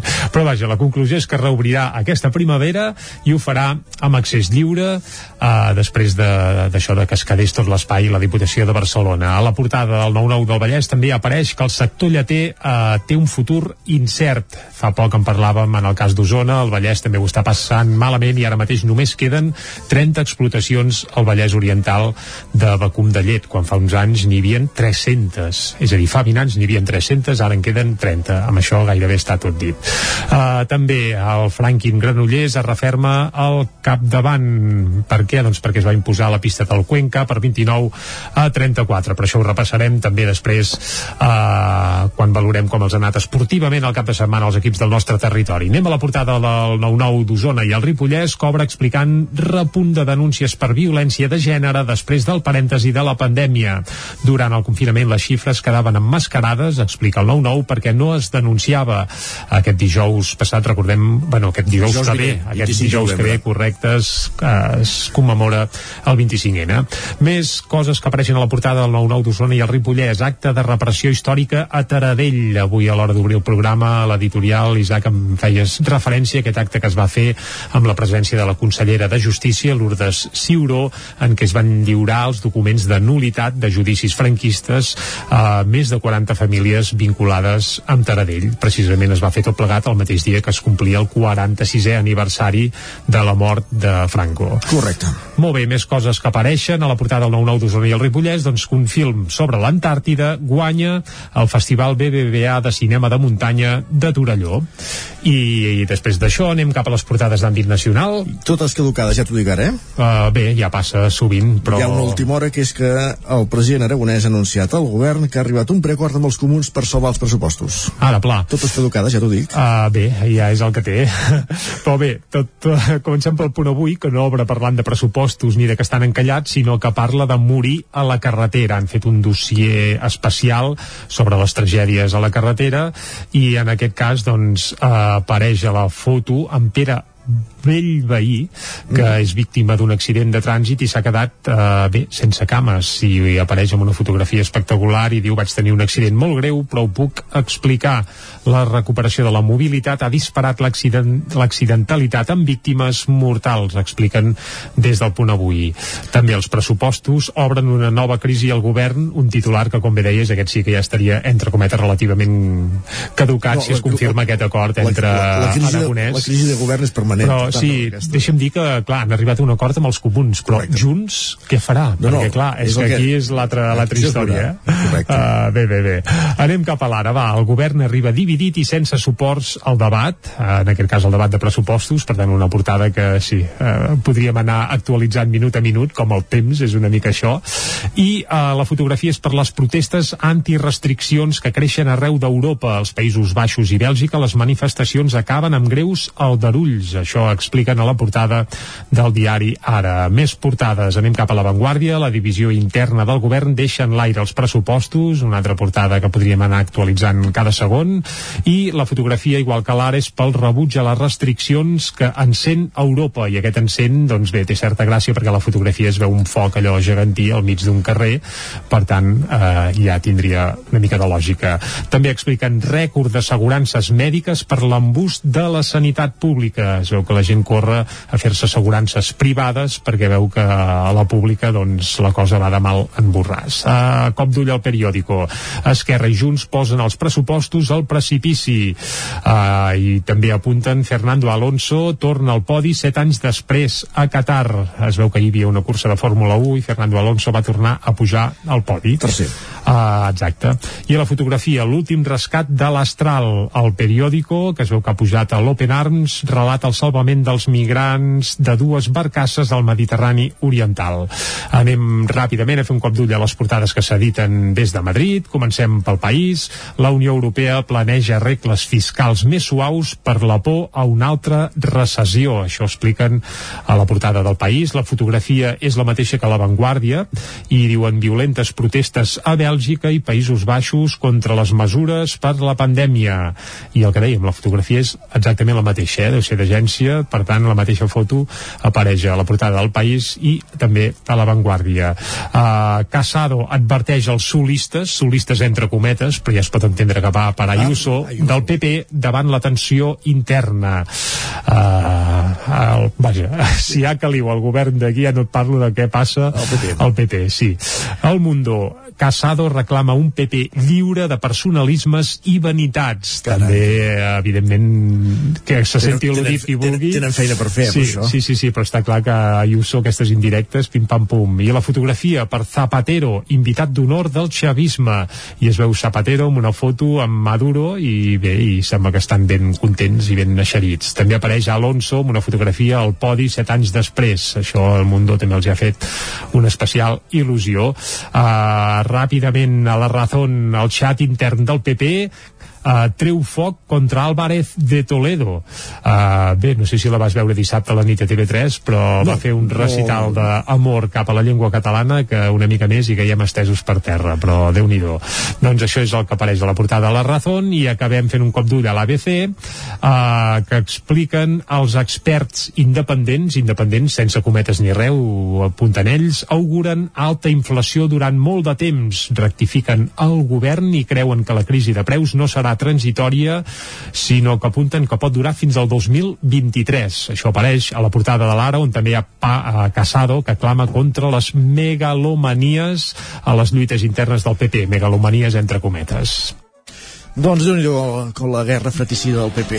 I tant, hi ha caliu, hi ha caliu a Can PP, uh, i on també hi ha caliu és en aquesta nova cançó de Sau. I és guitarra, que, Sí, sí, sí, no, no, no és un tema popero, sinó és un tema força rockero, uh, que bé, que recupera l'essència d'aquesta formació usonenca que feia 24 anys que no editava res nou, doncs bé, començaran l'any 2022 traient un disc tot amb peces noves, 11 temes hi haurà en aquest nou disc, es titularà Mil i una nits i uns quants dies i una de les peces que hi haurà en aquest nou disc és Trossets de mi, Quan que és la cançó que escoltem uh, ara mateix ja de fons. Aquest disc sortirà a principis del 2022. O sigui, ja no serveix de regal de Nadal? No, no, no arribarà abans de Nadal. És a dir, si ho voleu regalar per Nadal, doncs haureu de fer un val o algun invent, però el disc físic o penjat a les xarxes com ara es pengen, doncs no arribarà fins a principis de l'any vinent. De moment, però, per anar esmolant les eines i, a més a més, per anar fent boca, doncs el que sí que podem fer és escoltar aquest trossets de mi, del qual també, per cert, ja n'hi ha un fantàstic videoclip que també, si voleu, podeu eh, engolir. Perfecte. Trossets de mi, d'aquests ressuscitats Sau. Va, Sau 30 per això, eh? Vinga. Thank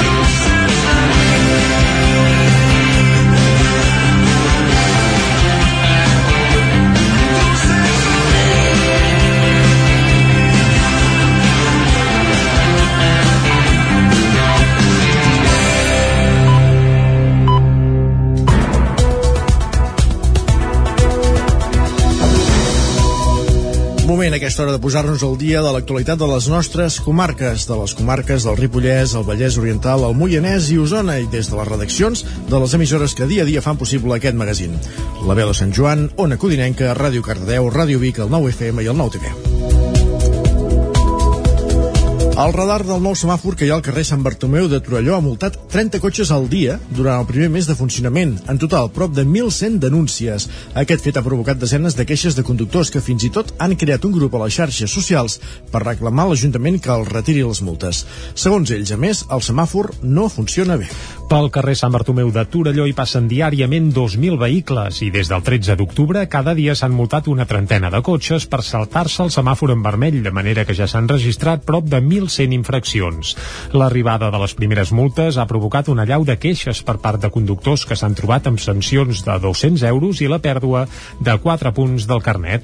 Els afectats fins i tot han creat un grup a les xarxes socials i demanen a l'Ajuntament que retiri les denúncies, ja que segons ells el semàfor no acaba de funcionar bé. Des de l'Ajuntament de Torelló, però, asseguren quan revisat i que el funcionament és impecable. Ho explica Adrià Jaumira, regidor de Serveis Territorials de l'Ajuntament de Torelló. I el que s'ha fet és revisar amb l'empresa Nexoteca el funcionament que, que fan per validar aquestes multes. Es detecten més infraccions de les que finalment tramitem, perquè hi ha un procés de revisió d'una per una que fa aquesta, aquesta empresa i el que fan és mirar el, el vídeo de, de la infracció, triar el fotograma que més s'adiu a, a la infracció on es vegi clarament la matrícula i es vegi que, que s'ha comès la infracció i de totes maneres es guarda, es guarda en el vídeo i les, les fotos de, de totes les infraccions. Des de l'Ajuntament de Torelló, doncs, no es plantegen anul·lar les multes i, en tot cas, afirmen que qui vulgui sempre pot presentar al·legacions. El model de funcionament del carrer Sant Bartomeu no canviarà, ho explica Adrià Jaumira. El model continua, esperar que, que el nombre de multes baixi, no és la, no és la intenció en cap moment d'aquest semàfor eh, buscar, buscar que hi hagi moltes multes, sinó que volem que hi hagi molt poques multes, per no dir cap, i que el, el carrer sigui un carrer eh, més transitable per cotxes i per vianants, que per tant sigui més segur, des que van arribar les primeres multes, els conductors, Jaumira explica que les infraccions ja s'han anat reduint. Els últims set dies, per exemple, se n'han posat una vintena al dia. I les càmeres que també han començat a multar Torelló són les que hi ha per accedir en cotxe al nucli antic. Des del 13 d'octubre, que només hi poden passar els vehicles de veïns, comerciants o conductors que ho hagin sol·licitat expressament. I de càmeres per controlar que no entrin cotxes al nucli antic de Torelló ni al carrer del Pont, al pas de la Sagrera, al carrer Gest de Vall i al carrer Roca Prevera. Estan actives des de mitjans d'octubre i des de llavors que només poden accedir al centre del poble els vehicles dels veïns i els titulars d'aparcaments o comerços que han demanat autorització. Des de l'Ajuntament tenen clar que la majoria de la població encara no és conscient que el període de prova ja s'ha acabat i que les càmeres estan en funcionament. Ho reconeix Adrià Jaumira, regidor de Serveis Territorials de Torelló. Estem detectant que la gent no acaba de, de fer-se la idea de, de que s'està de que ja s'està multant busquem que, que hi entrin només els veïns o vehicles autoritzats. Ara mateix estem sobre eh, a més del 5% d'infractors. Eh, per tant ha de baixar molt aquesta, aquesta, aquest nombre d'infractors.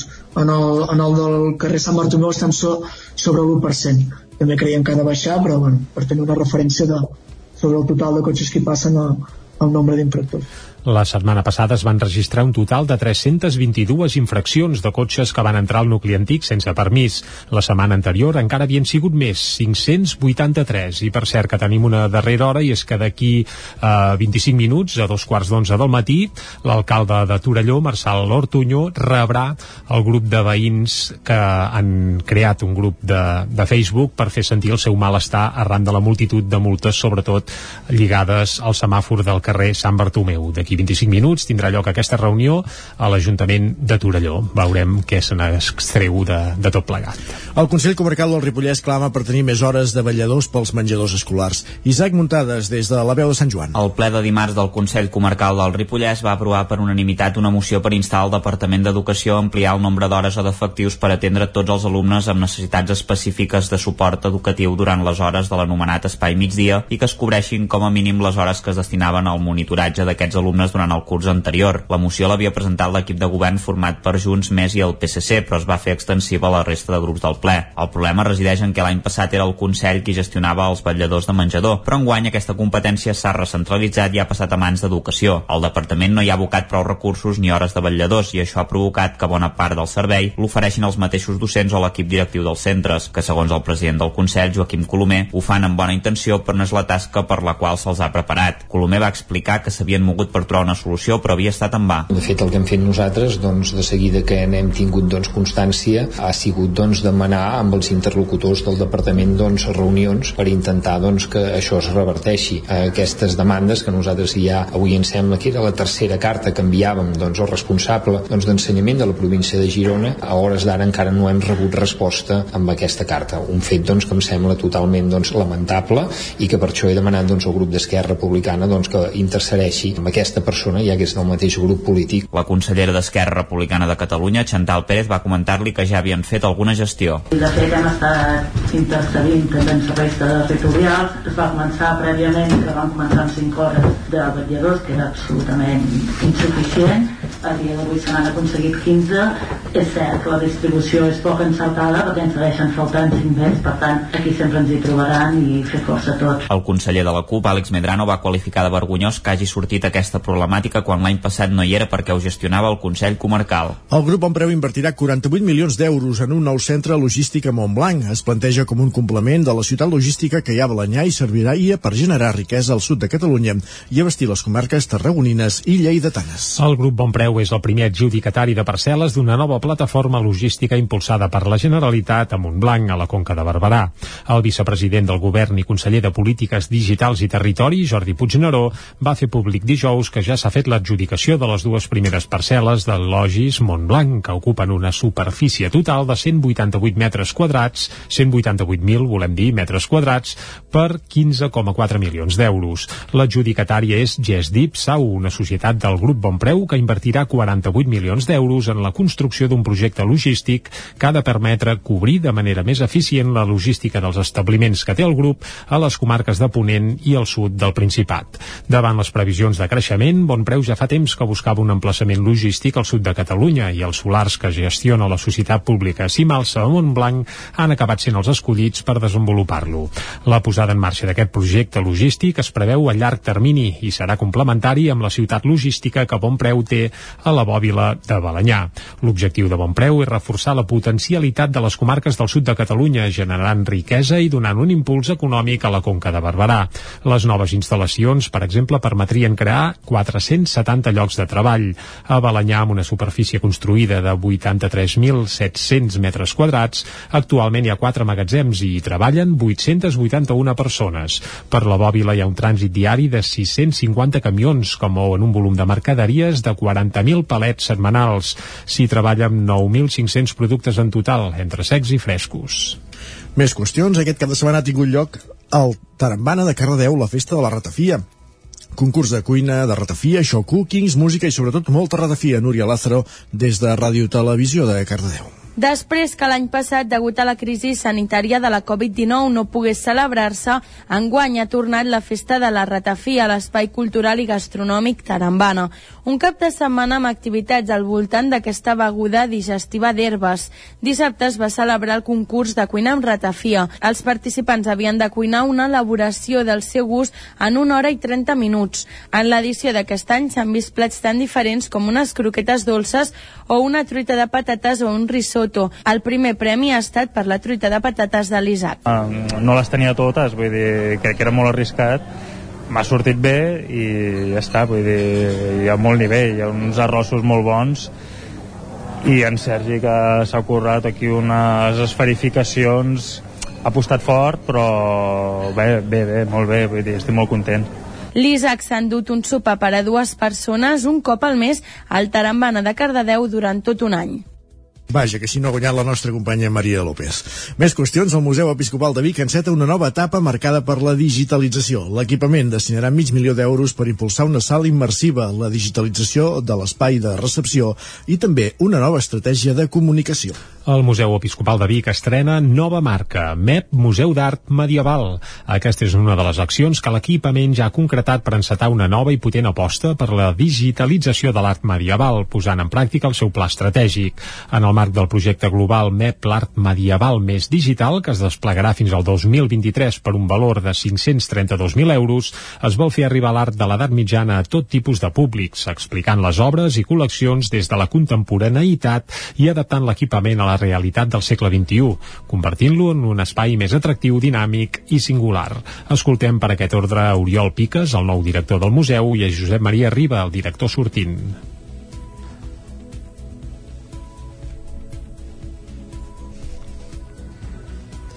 Bé, Quan el museu diu ara... que vol ser social i que vol dir que es vol transformar i que vol tenir notorietat, aquí hi ha un exemple. Mm? perquè és, eh, vol relacionar-se amb la gent amb mirada contemporània, buscar altres generacions, altres col·lectius, vol tenir notorietat, vol sortir més enllà dels seus murs, es vol mostrar al món. Queda clar que en aquest moment, seguint la trajectòria d'aquests 20 anys llargs, és promocionem el medieval, que és el que ja hem anat treballant i aprofundint. El projecte ha d'actuar en cinc àmbits. Primer, en una remodelació de l'espai web per fer-lo més vivencial i emocional. Alhora també es crearà una sala immersiva per donar context a la col·lecció del museu a través d'una proposta en tres dimensions. La primera s'estrenarà al març de l'any que ve i serà sobre la catedral romànica de Vic del segle XI. Carme Comas és la cap de l'àrea de difusió i acció cultural del Museu Episcopal de Vic. Aquesta sala quedarà, quedarà tancada amb grans projectors per poder projectar diferents experiències immersives. També s'aposta per la digitalització de l'espai de recepció, amb nova distribució i nou mobiliari, i a més també es farà un nou taller, que serà un espai 100% transformable per tal de poder acollir activitats educatives o trobades socials. Tot relligat a través d'un potent pla de comunicació. El projecte compta amb el suport del Cercle del Museu, el Departament de Cultura i la Diputació de Barcelona. Esports. Esports i solidaritat perquè la segona edició de l'Oncodines Trail, que es disputarà el 2 d'abril, sortirà des de Granollers. Amb aquest canvi d'ubicació de la sortida volen donar més rellevància pública a la competició. Caral Campàs, des d'Ona Codinenca. La segona edició d'aquest repte esportiu solidari, impulsat des d'un col·lectiu de Sant Feliu de Codines, ja té nova data. Es celebrarà el dia 2 d'abril. Durant la presentació oficial, que es va fer divendres al vespre, es van presentar les principals novetats. Aquest trail, que passa per 11 municipis del Vallès Oriental, com a novetat enguany, la sortida serà des de Granollers. L'última edició va tenir sortida i arribada a Sant Feliu de Codines. Lluís Vilalta, de l'organització, parla dels motius d'aquest canvi d'ubicació. Eh, uh, perquè tant les televisions com, com, com la premsa ens faci més, més constància d'aquest acte i sortirem de Granollers els que camineu els que camineu més a poc a poc sortireu d'oreta Passareu per la porxada, perquè passareu per la porxada perquè passarem tots. Perquè sortim del parc del Torres Villar, que és just davant del Vallès. I passarem per la porxada. Vale?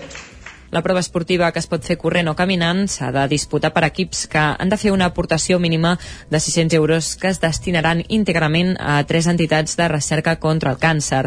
Aquesta segona edició tindrà més quilometratge i més desnivell amb un recorregut diferent al de la primera edició que passarà pel Farell i els cingles, entre d'altres espais. Un minut perquè sigui un quart d'onze, acabem aquí aquest repàs informatiu que fèiem des del punt de les 10 en companyia, com sentíem ara, de Caral Campàs, Núria Lázaro, Jordi Sunyer i Isaac Muntades. Moment d'anar a conèixer la la previsió meteorològica. Hem d'estar-hi atents, molt atents, segon a segon.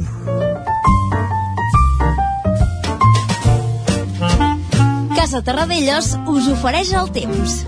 Uh, molt atents i segon a segon perquè a primera hora del matí ens ha dit en Pep Acosta que venen canvis, que ve moviment que ve caliu meteorològic i és per això que l'hem notat especialment eufòric eh? el seu estat d'ànim ja evoluciona en funció una mica també de la meteorologia i per què no dir-ho del Barça vegades, també, també, també, també, també, també. però ara anem pel temps eh? Uh, Pep, bon dia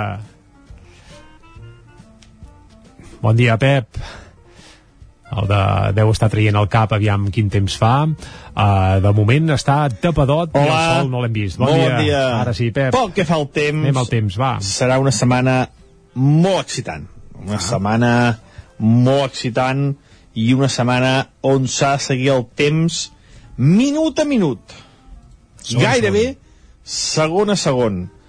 Perquè s'està formant una depressió a la costa catalana eh, i ens portarà una llevantada de primeríssima categoria.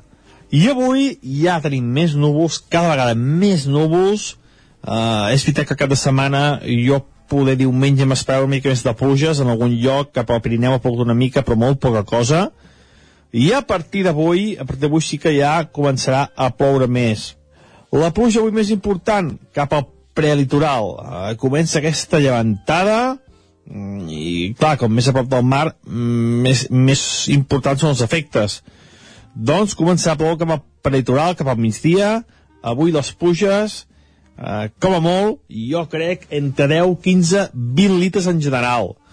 La temperatura començarà a baixar, i és que independentment d'aquesta entrada vent de llevant, també tenim una entrada d'aire més fred. Eh, per tant, les temperatures aniran baixant. Serà un dia fred, un dia tèrbol, un dia amb vent, un dia eh, d'hivern 100%. La cota de neu es situarà a uns 1.200-1.300 metres. Nevant important cap al Montseny, eh, parts més altes de Guilleries, cap al transversal, i també, atenció, nevada molt important cap al Pirineu. A Ripollès serà una nevada molt important, això, a partir de 1.100-1.200 metres. Eh? Pirineu nevada molt important a partir d'aquesta tarda.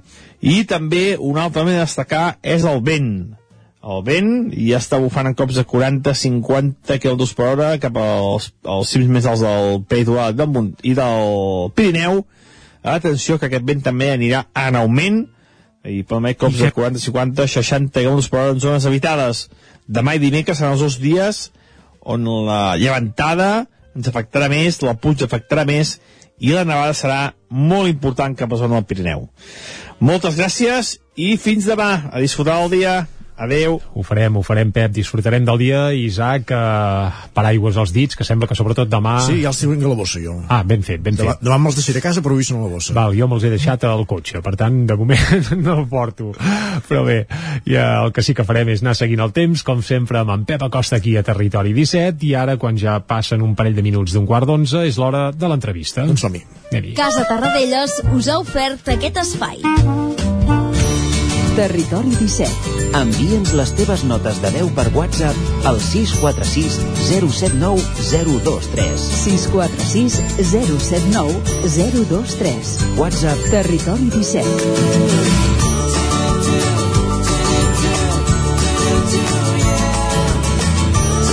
Territori 17. Som a Facebook, Twitter i Instagram amb l'usuari Territori 17.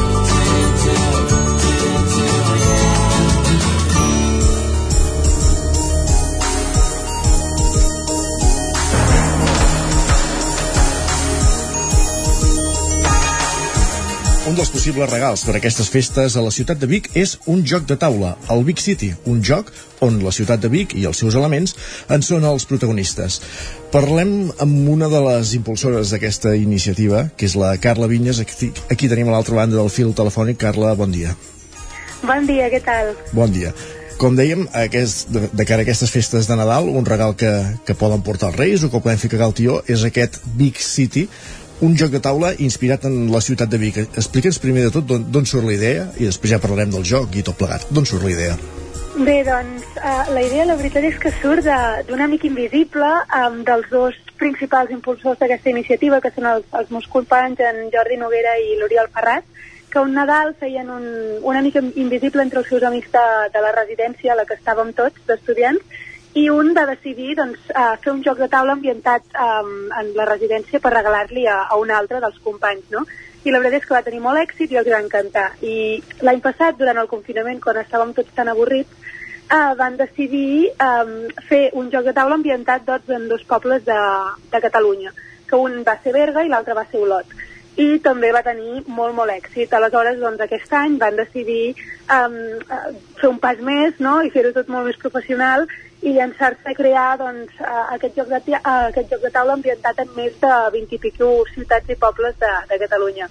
I com no, no una d'aquestes ciutats havia de ser Vic. I aleshores doncs, de, de cada ciutat i poble on, on ambienten el, el joc agafen un, un representant local no? perquè, perquè els ajudi a tot el que ve ser el disseny del joc, el màrqueting, el portar les xarxes socials, etc. I en el cas de Vic doncs m'ho van demanar i jo, bueno, encantadíssima de, de formar part d'aquest projecte.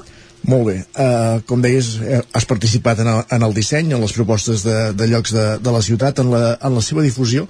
Parlaves del màrqueting i en la venda, la venda, si no tenim mal entès, es fa uh, per encàrrec, oi? No hi ha un lloc sí. físic on anar-lo a comprar. Exacte, o sigui, nosaltres tot això ho, ho gestionem a través d'Instagram, que el nostre Insta Instagram és Big City barra baixa el joc, i eh, en aquest Instagram hi ha en el perfil um, de l'Instagram hi ha el link, que, uh, bueno, hi ha un link que et porta directament a un formulari online aleshores doncs, tot aquell que es vulgui, que vulgui comprar el joc el que ha de fer és anar, anar a l'Instagram en aquest link, omplir el formulari online i uh, fer la reserva, no? I un cop la reserva feta, um, que aquest formulari estarà obert fins a finals de novembre, o sigui, en breus el tancarem, però encara esperarem una mica fins l'últim dia de novembre, segurament, i aleshores, durant el desembre, segurament a partir del 9 de desembre, aquest joc ja es podrà anar a buscar i a pagar a l'oficina de turisme de Vic, però sempre havent fet la reserva uh, prèviament. Quants, quants teniu intenció de, de fer-ne o d'editar-ne? Bé, la veritat és que mm, no, teníem, no teníem un número molt marcat perquè com que és una, una cosa bastant nova no, no sabíem com es vendria a Vic però sí que nosaltres teníem mm, més de 100 pensàvem, pensàvem produir-los i la veritat és que les, les reserves estan superant amb escreix aquest número per tant um, en produirem bastants més dels que, del que ens esperàvem Perfecte. I a quin preu surt el joc? Sí, el preu del joc són 36 euros però uh, un euro de cada joc va destinat a la Marató de TV3 perquè bueno, ens agradava molt poder col·laborar amb una causa solidària i, i ara que, bueno, que durant el desembre hi ha la Marató vam pensar que era, que era la causa més adient.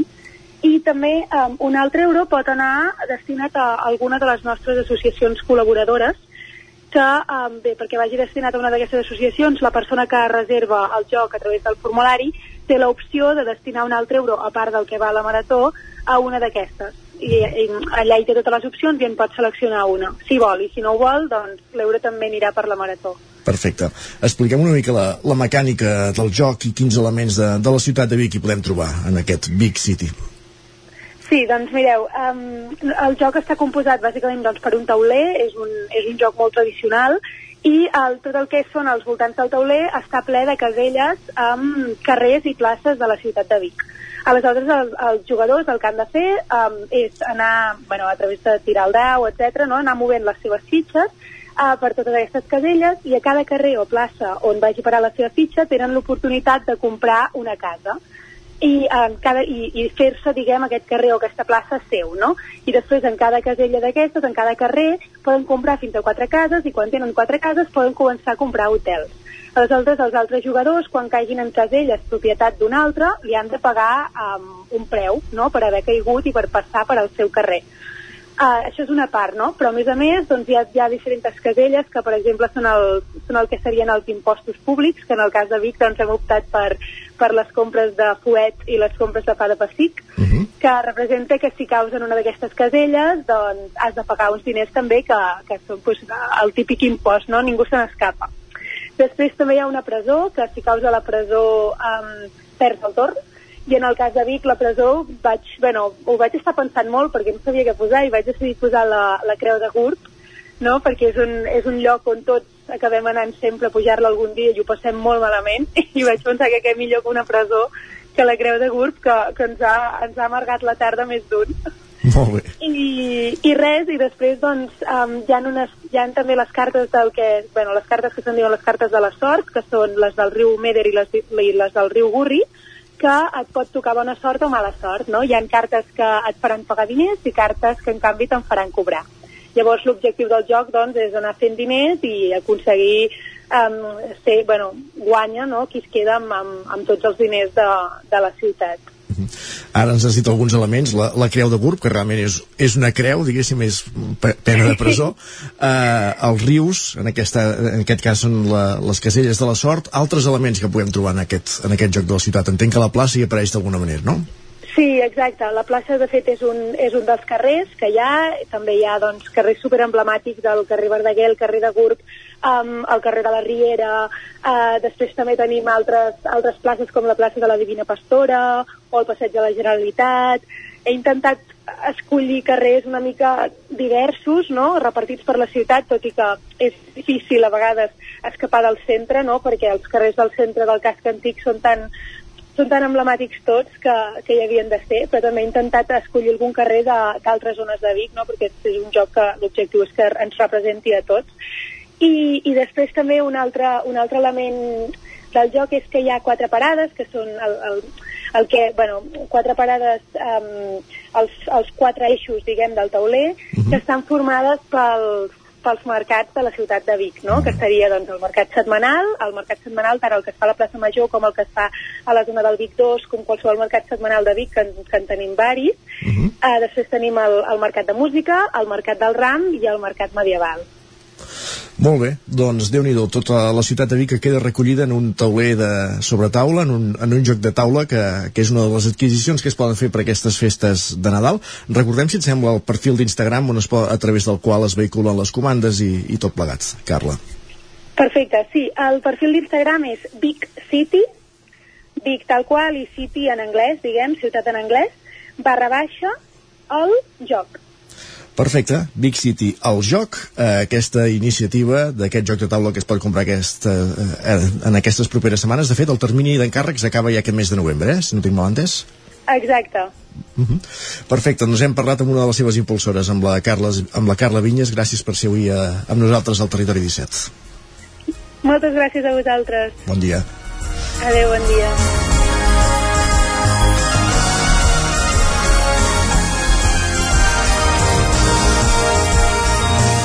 I arribats a aquest punt, fem una petita pausa. Res, 3 minuts i tornem a ser aquí amb la resta de continguts que tenim preparats per aquest diven, dilluns 22 de novembre de 2021.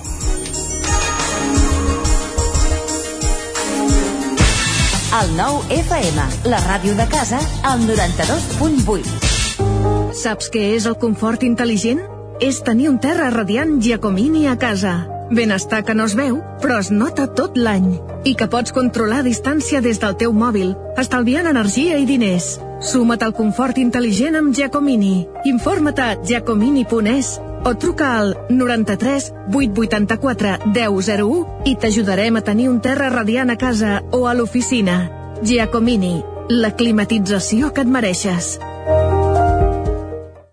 Rètols 2A. Experts en comunicació visual Rètols, banderoles, vinils, impressió, plaques gravades, senyalització, display... Rètols Dos Art. Ja són 25 anys al vostre servei.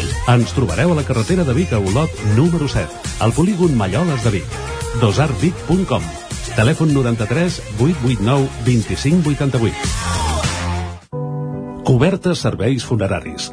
Els nostres tanatoris estan ubicats en els nuclis urbans més poblats de la comarca d'Osona per oferir un millor servei Tanatori de Vic, Tanatori de Manlleu, Tanatori de Centelles i Tanatori de Roda de Ter.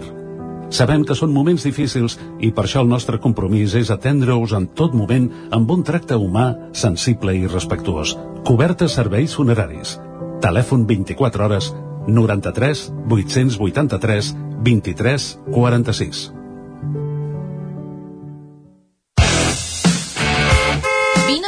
Autoscola Montseny. Ara és el moment de fer els cursos de teòrica intensius, ràpid i eficaç. T'informarem dels PACs. Permís de moto de 16 i 18 anys i permís de cotxe. I si vens a veure'ns, tindràs un obsequi. Apunta't i no t'ho pensis més. Per més informació, Autoscola Montseny, Rambla de Vallades, número 13 de Vic. Busca'ns a Instagram i Facebook.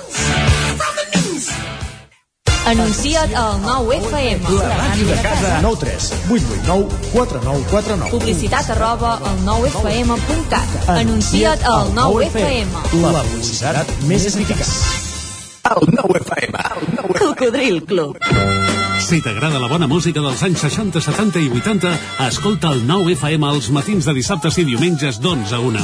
És el temps del Cocodril Club, tot un clàssic de la ràdio, amb les bases del pop-rock, les llegendes, les cançons que s'han convertit en autèntics himnes. Recorda, dissabtes i diumenges al matí, d'11 a 1, al 9 FM 92.8. Cocodril Club, el programa revival de l'Albert Malla. Hasta luego, El 9 FM, la ràdio de casa, al 92.8.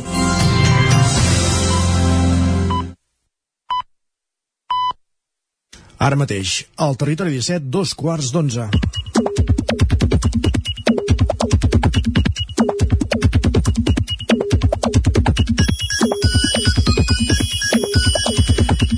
I a aquesta hora, com cada dia, aquí ens acompanya a l'estudi amb en Jordi Sunyés, en Guillem Sánchez. I atenció, Isaac, i atenció a la gent que ens escolta per ràdio, perquè, clar, com que no ho veu, però en Guillem Sánchez el Ah, tenim lluint uh, Look Movember. Ens ho va explicar la setmana passada, eh? Correcte. Guillem, què era això del Movember? Situem-nos. És aquest eh, moviment per tal de visibilitzar les malalties masculines, principalment càncers de pròstata i de testicles, i també aquest any també del suïcidi i de recollir fons també per la investigació contra aquestes malalties. I qui ho fa, doncs es deixa bigoti, com Correcte. el cas d'en Guillem, que avui el tenim aquí en Look Ambiguitat, Magnum. ambiguitat, Look correcte. Va. Fet aquell apunt, anem, uh, anem per piulades, va. Doncs va, la Teresa ho té clar ja des d'un bon començament, ens diu encetem setmana sense sorpreses, farà fred i anirem de bòlit. De fet, em sembla que el tema del temps aquesta setmana anirà una mica comentat, oi? Home, avui en Pep Acosta ja ens ha fet allò propaganda de que hi hauria caliu, moviment Ves i que no estava... una d'aquelles vegades que ho, ho anunciem tant i acaba no passant res. Per fi. Si no seria el primer ni l'últim cop, eh? Del molta fressa i després poca endreça, però vaja, ja ens ho trobarem. No, no sabem, però com diu en Jordi, que ens adjunta una animació meteorològica, ens comenta, diu, us tradueixo el mapa, ens trobem davant del temporal de llevant més important de l'any, i diu, jeje, és el seu comentari i la seva aportació, per tant li fa, li fa gràcia que pugui ploure i pugui fer fred, i en tot cas hem d'anar ben preparats, un altre usuari que també es diu Jordi, ens exposa, no us enganyaré, estic molt emocionat i amb papallones a la panxa pel temporal d'aquesta setmana. Carai, es, es veu que el temporal genera Bé, a la tardor ja ho té, eh? Que de tant en tant plou, per tant tampoc seria una ultra novetat, però bé, com que estem com estem, doncs vinga, pendents del temps, també, va, més coses. I els usuaris es van preparant també per aquesta situació. Uh, un altre usuari que també es diu Jordi, va de Jordi, és avui la, la Carai. cosa, diu quarta rentadora del cap de setmana en marxa, la tercera ja està estesa, tot a punt per l'arribada d'aquest temporal. O bé aquesta altra que ens diu posant assecadores i rentadores a l'últim minut. Visca el límit, soc de riscos. Per tant, hi ha gent que ja s'està preparant perquè veu que en uns dies no, no podrà estendre la... Però ja, Home, a diu que té l'hivern es pot estendre dintre, Però si eh? té secadora tampoc li, no veu venir d'aquí.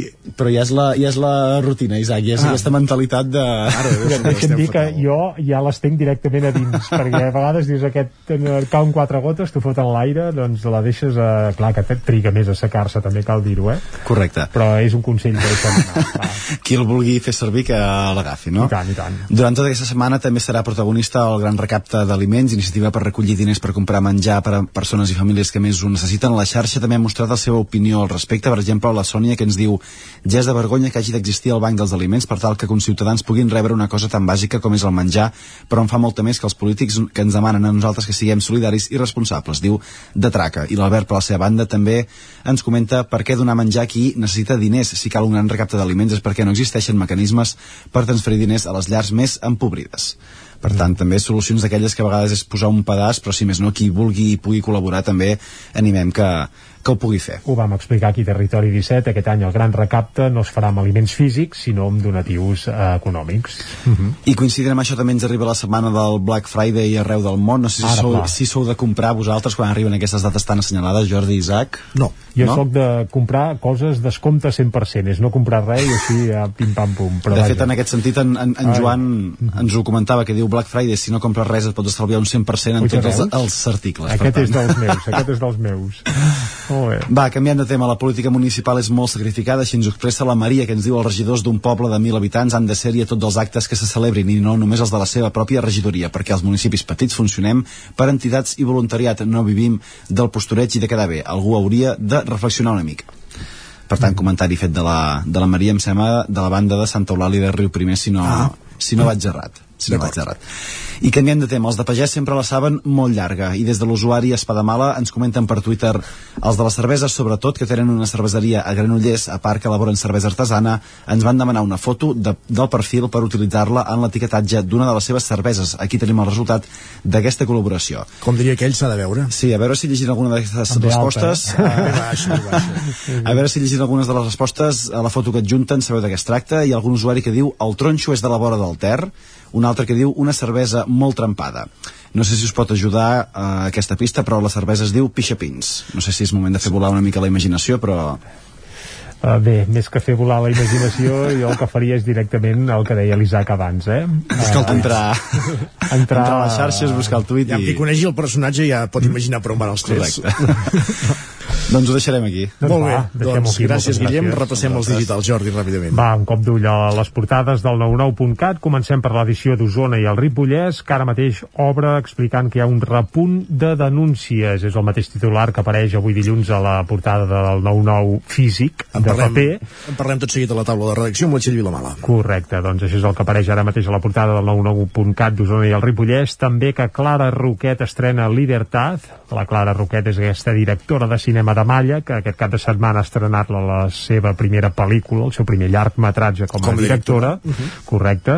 I també eh, apareix que la Cambra d'Osona inaugura la nova seu aquest dijous, dijous. en un acte que es farà eh, bé, aquest dijous. Més coses, anem sí. Cap a, al Sucre de Vic, correcte. Anem a l'edició del Vallès Oriental, el 99.cat, ara mateix obre explicant que un jove de 21 anys mor en un accident a la C59 a Sant Feliu de Codines. Aquesta C59 que, que últimament és Quan un ja fa- desastre. sí, sí, fatídica. I també mor als 80 anys Francesc Brustenga, que és l'exalcalde de Santa Eulàlia de Ronçana.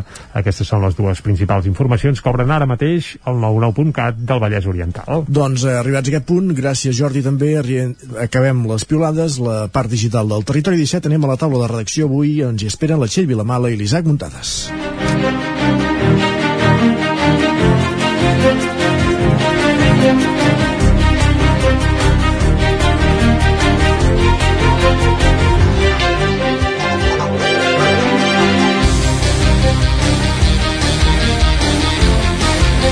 I amb la Txell Vilamala el que fem és desplegar aquest titular que dèiem ara en el repàs dels digitals. Repunt de denúncies per violència de gènere després del parèntesi de la pandèmia. Una informació que ve a tom tenint en compte que dijous, 25 de novembre, 25ena, és el Dia Mundial contra la Violència Masclista. Bon dia, Txell.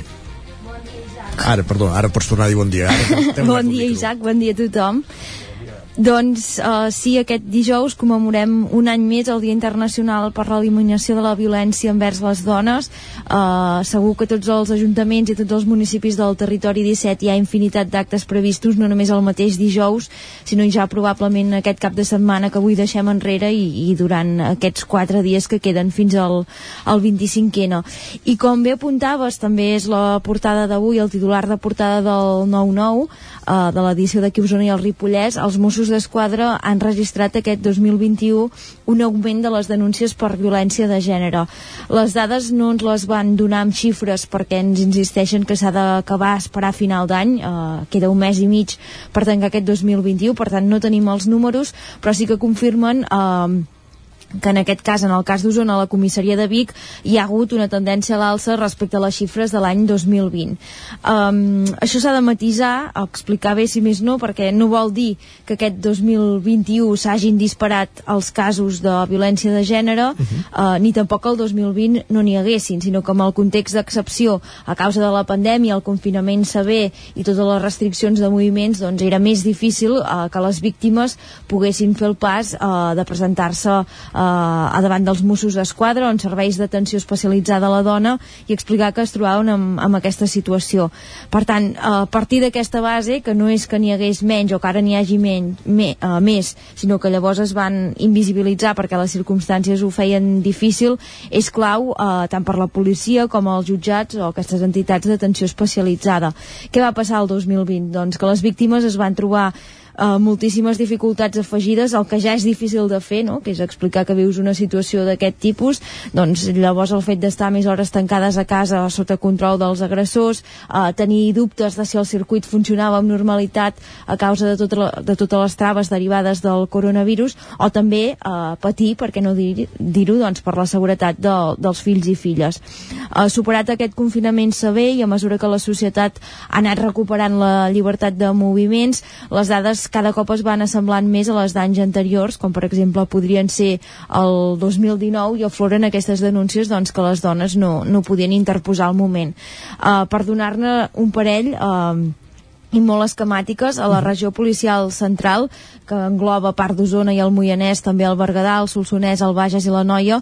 Els Mossos d'Esquadra han atès eh, aquest any eh, 2021 741 víctimes eh, durant aquests primers 9 mesos i en, en total s'ha detingut eh, 299 agressors. Llavors vam fer la comparació també amb l'àrea de Girona, eh, on aquest cas quedaria inclòs eh, el Ripollès. Les dades s'enfilen més, eh, això perquè agrupen eh, més població quan mirem el conjunt de les comarques i ens, això, en, en el cas de, uh, de Girona uh, s'ha protegit fins ara 1.212 dones i hi ha uns 430 arrestats.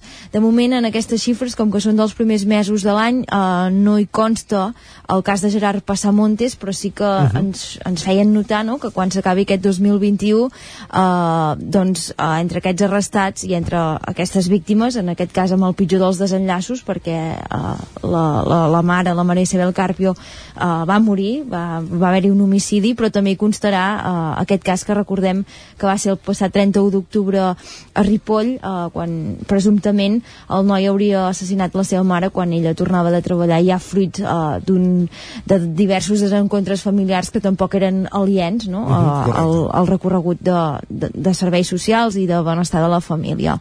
Llavors, eh, centrant el focus en, què ha passat als jutjats, perquè ara parlàvem de quina situació s'han trobat els Mossos a comissaria, però també ens podem mirar des de l'òptica dels jutjats. Llavors sí que ens trobem que el 2020 no hi va haver diferències significatives respecte als anys anteriors pel que fa a l'entrada de fets delictius, eh, judicis, condemnes, eh, en general eh, de la majoria de fets delictius. On sí que observem un canvi substancial és que eh, l'any 2020, a diferència dels els anteriors, hi va haver molts trencaments de mesures cautelars de protecció de la víctima. És a dir, això són les famoses ordres d'allunyament sí. o, o el fet de no eh, poder tornar a casa per molt que aquell domicili fos un habitatge compartit.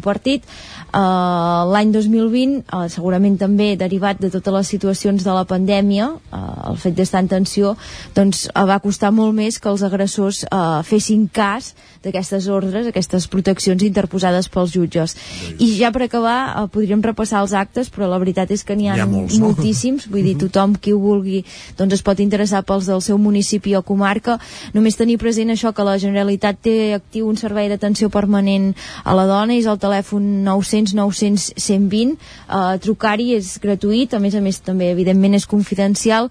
I a l'altra banda del telèfon uh, hi ha perfils professionals variats però també per exemple psicòlogues o advocades que tenen a l'abast uh, els dispositius, les eines necessàries doncs, per, evitar, per avisar els serveis d'emergències si fa falta no? a part de per buscar assessorament davant d'una situació que es perllonga en el temps uh, si hi ha una situació crítica doncs que puguin activar els serveis que toqui. Com diem en aquest telèfon doncs, l'objectiu és atendre qualsevol tipus de demanda o la necessitat d'explicar-se uh, vivint una situació d'aquestes característiques. També s'expliquen quins recursos uh, hi ha a Catalunya uh, per les víctimes i llavors uh, donen assessorament sobre quin és el millor procediment a, a seguir. Malauradament això, eh, cada any uh, en parlem, cada any commemorem la data, però cada any les estadístiques són igual de dures i casos com el de Ripoll eh, ens demostren que no, que no s'hi val a baixar, a deixar de pedalar perquè hi ha molta feina a fer i aquest gest que s'ha fet viral també per, per alertar, diguéssim, de forma més discreta, no?, d'una persona que està sent víctima en aquell moment d'un fet d'aquests. Exacte. Aquest gest amb la mà. De fet, uh, fa poques setmanes, en una clínica privada de Barcelona, uh, una dona precisament el va fer en una sala d'espera i gràcies a algú que ho va reconèixer, doncs va poder aflorar el seu cas. També va passar als Estats Units amb uh -huh. una noia que no ho voldria dir malament, eh, però em penso que l'havien retingut, l'havien segrestat contra la seva voluntat i a aturat, aturat en un semàfor va poder avisar un conductor i el conductor, com que sabia de què anava, de què anava aquest gest, uh, va poder alertar la policia. Recordem, eh, aquest gest es fa, uh, és difícil de descriure segurament a través de la ràdio, però uh, primer amb tots els dits de la mà aixecats, després tancant, portant el polze cap a dins del palmell i finalment uh, tancant la resta de dits sobre, sobre, sobre aquest polze. dit polze. Doncs moltes gràcies, Txell. Uh, dijous, com dèiem, 25N, avui en comencem a parlar amb aquestes dades que, que apareixen publicades, uh, com deies, uh, en un ampli reportatge al 9-9. Gràcies. Fins ara, Isaac. Fins ara. I anem tot seguit, com dèiem, continuem a la taula de redacció parlant amb l'Isaac Muntades. Bon dia, Isaac. De... Bon dia de les novetats que hi ha a l'entorn d'aquesta oficina del BBVA de Sant Joan de les Abadesses que dèiem setmanes enrere que, que tancava, finalment eh, en salvem una part, per entendre'ns, no? Exacte, se, se salva, de fet eh, ara parlàveu de denúncies i en aquest cas les denúncies doncs, de, de, tot, a, de tots els veïns que han eh, signat doncs, en aquesta recollida que es va fer per part de la Unió de Botiguers i, i l'Ajuntament doncs, han permès que el BBVA l'oficina bancària doncs, es pugui eh, quedar a Sant Joan, es mantindrà doncs, el caixer i també un agent col·laborador que estarà present eh, a l'oficina i en aquest cas oferirà tot eh, tipus d'assessorament que es necessiti que també farà les gestions que fins ara pràcticament es feien a l'oficina. És a dir que no hi haurà masses canvis. Segurament el canvi més substancial és que es reduirà l'horari és a dir que en comptes de les hores que hi havia actualment amb persones atenent a l'oficina doncs eh, aquestes es veurien eh, reduïdes perquè evidentment doncs, una persona no és la mateixa eh, que si n'hi havia dues o tres com, com hi havia abans no? Eh, recordem que avui s'havia de avui era el dia que s'havia de, de tancar l'oficina teòricament.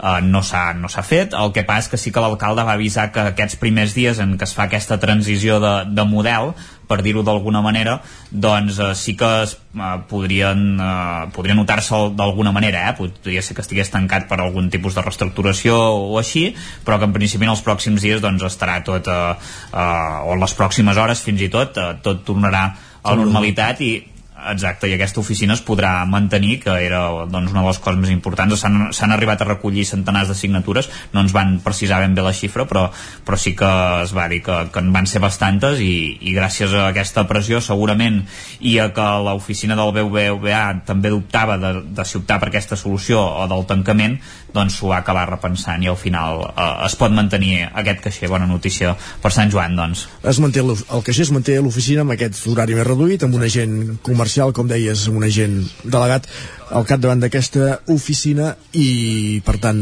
eh, per ara Sant Joan que manté mínimament els serveis bancaris que, que encara tenia. Gràcies, Isaac. Moment d'anar cap al repàs esportiu a conèixer com ha anat la jornada esportiva del cap de setmana pels equips del territori 17.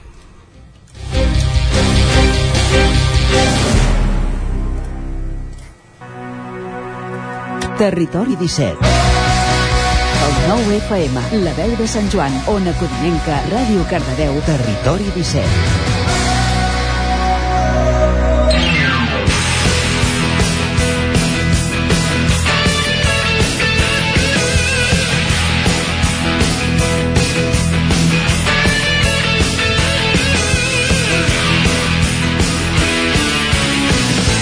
Moment de, de conèixer què han fet els equips en els compromisos esportius del cap de setmana que els avançàvem divendres. Ara és moment de saber els resultats d'aquests partits. Comencem la roda a Ràdio Cardedeu amb l'Òscar Muñoz. Bon dia, Òscar.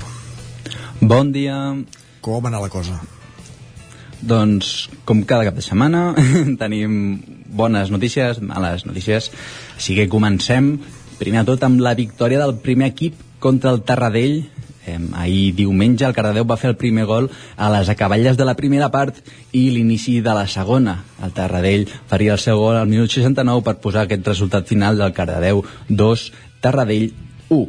Destaquem doncs, una targeta groga al minut 1 del principi del partit del Terradell, eh, una, una groga doncs, molt precoç i doncs, eh, actualment el primer equip està situat a la setena posició d'aquesta segona catalana Uh -huh, el, ara ens anem a la, a la tercera catalana on el filial no va poder passar d'un empat a dos contra el Sant Celoni i és que és una llàstima ja que el Cardedeu va començar liderant el marcador fins a arribar eh, al 0-2 al minut 63 Els dos gols de Sant Celoni doncs, van arribar a menys de 10 minuts, al 74 i al 83. Ara mateix eh, el filial també està situat a la setena posició, igual que el primer equip.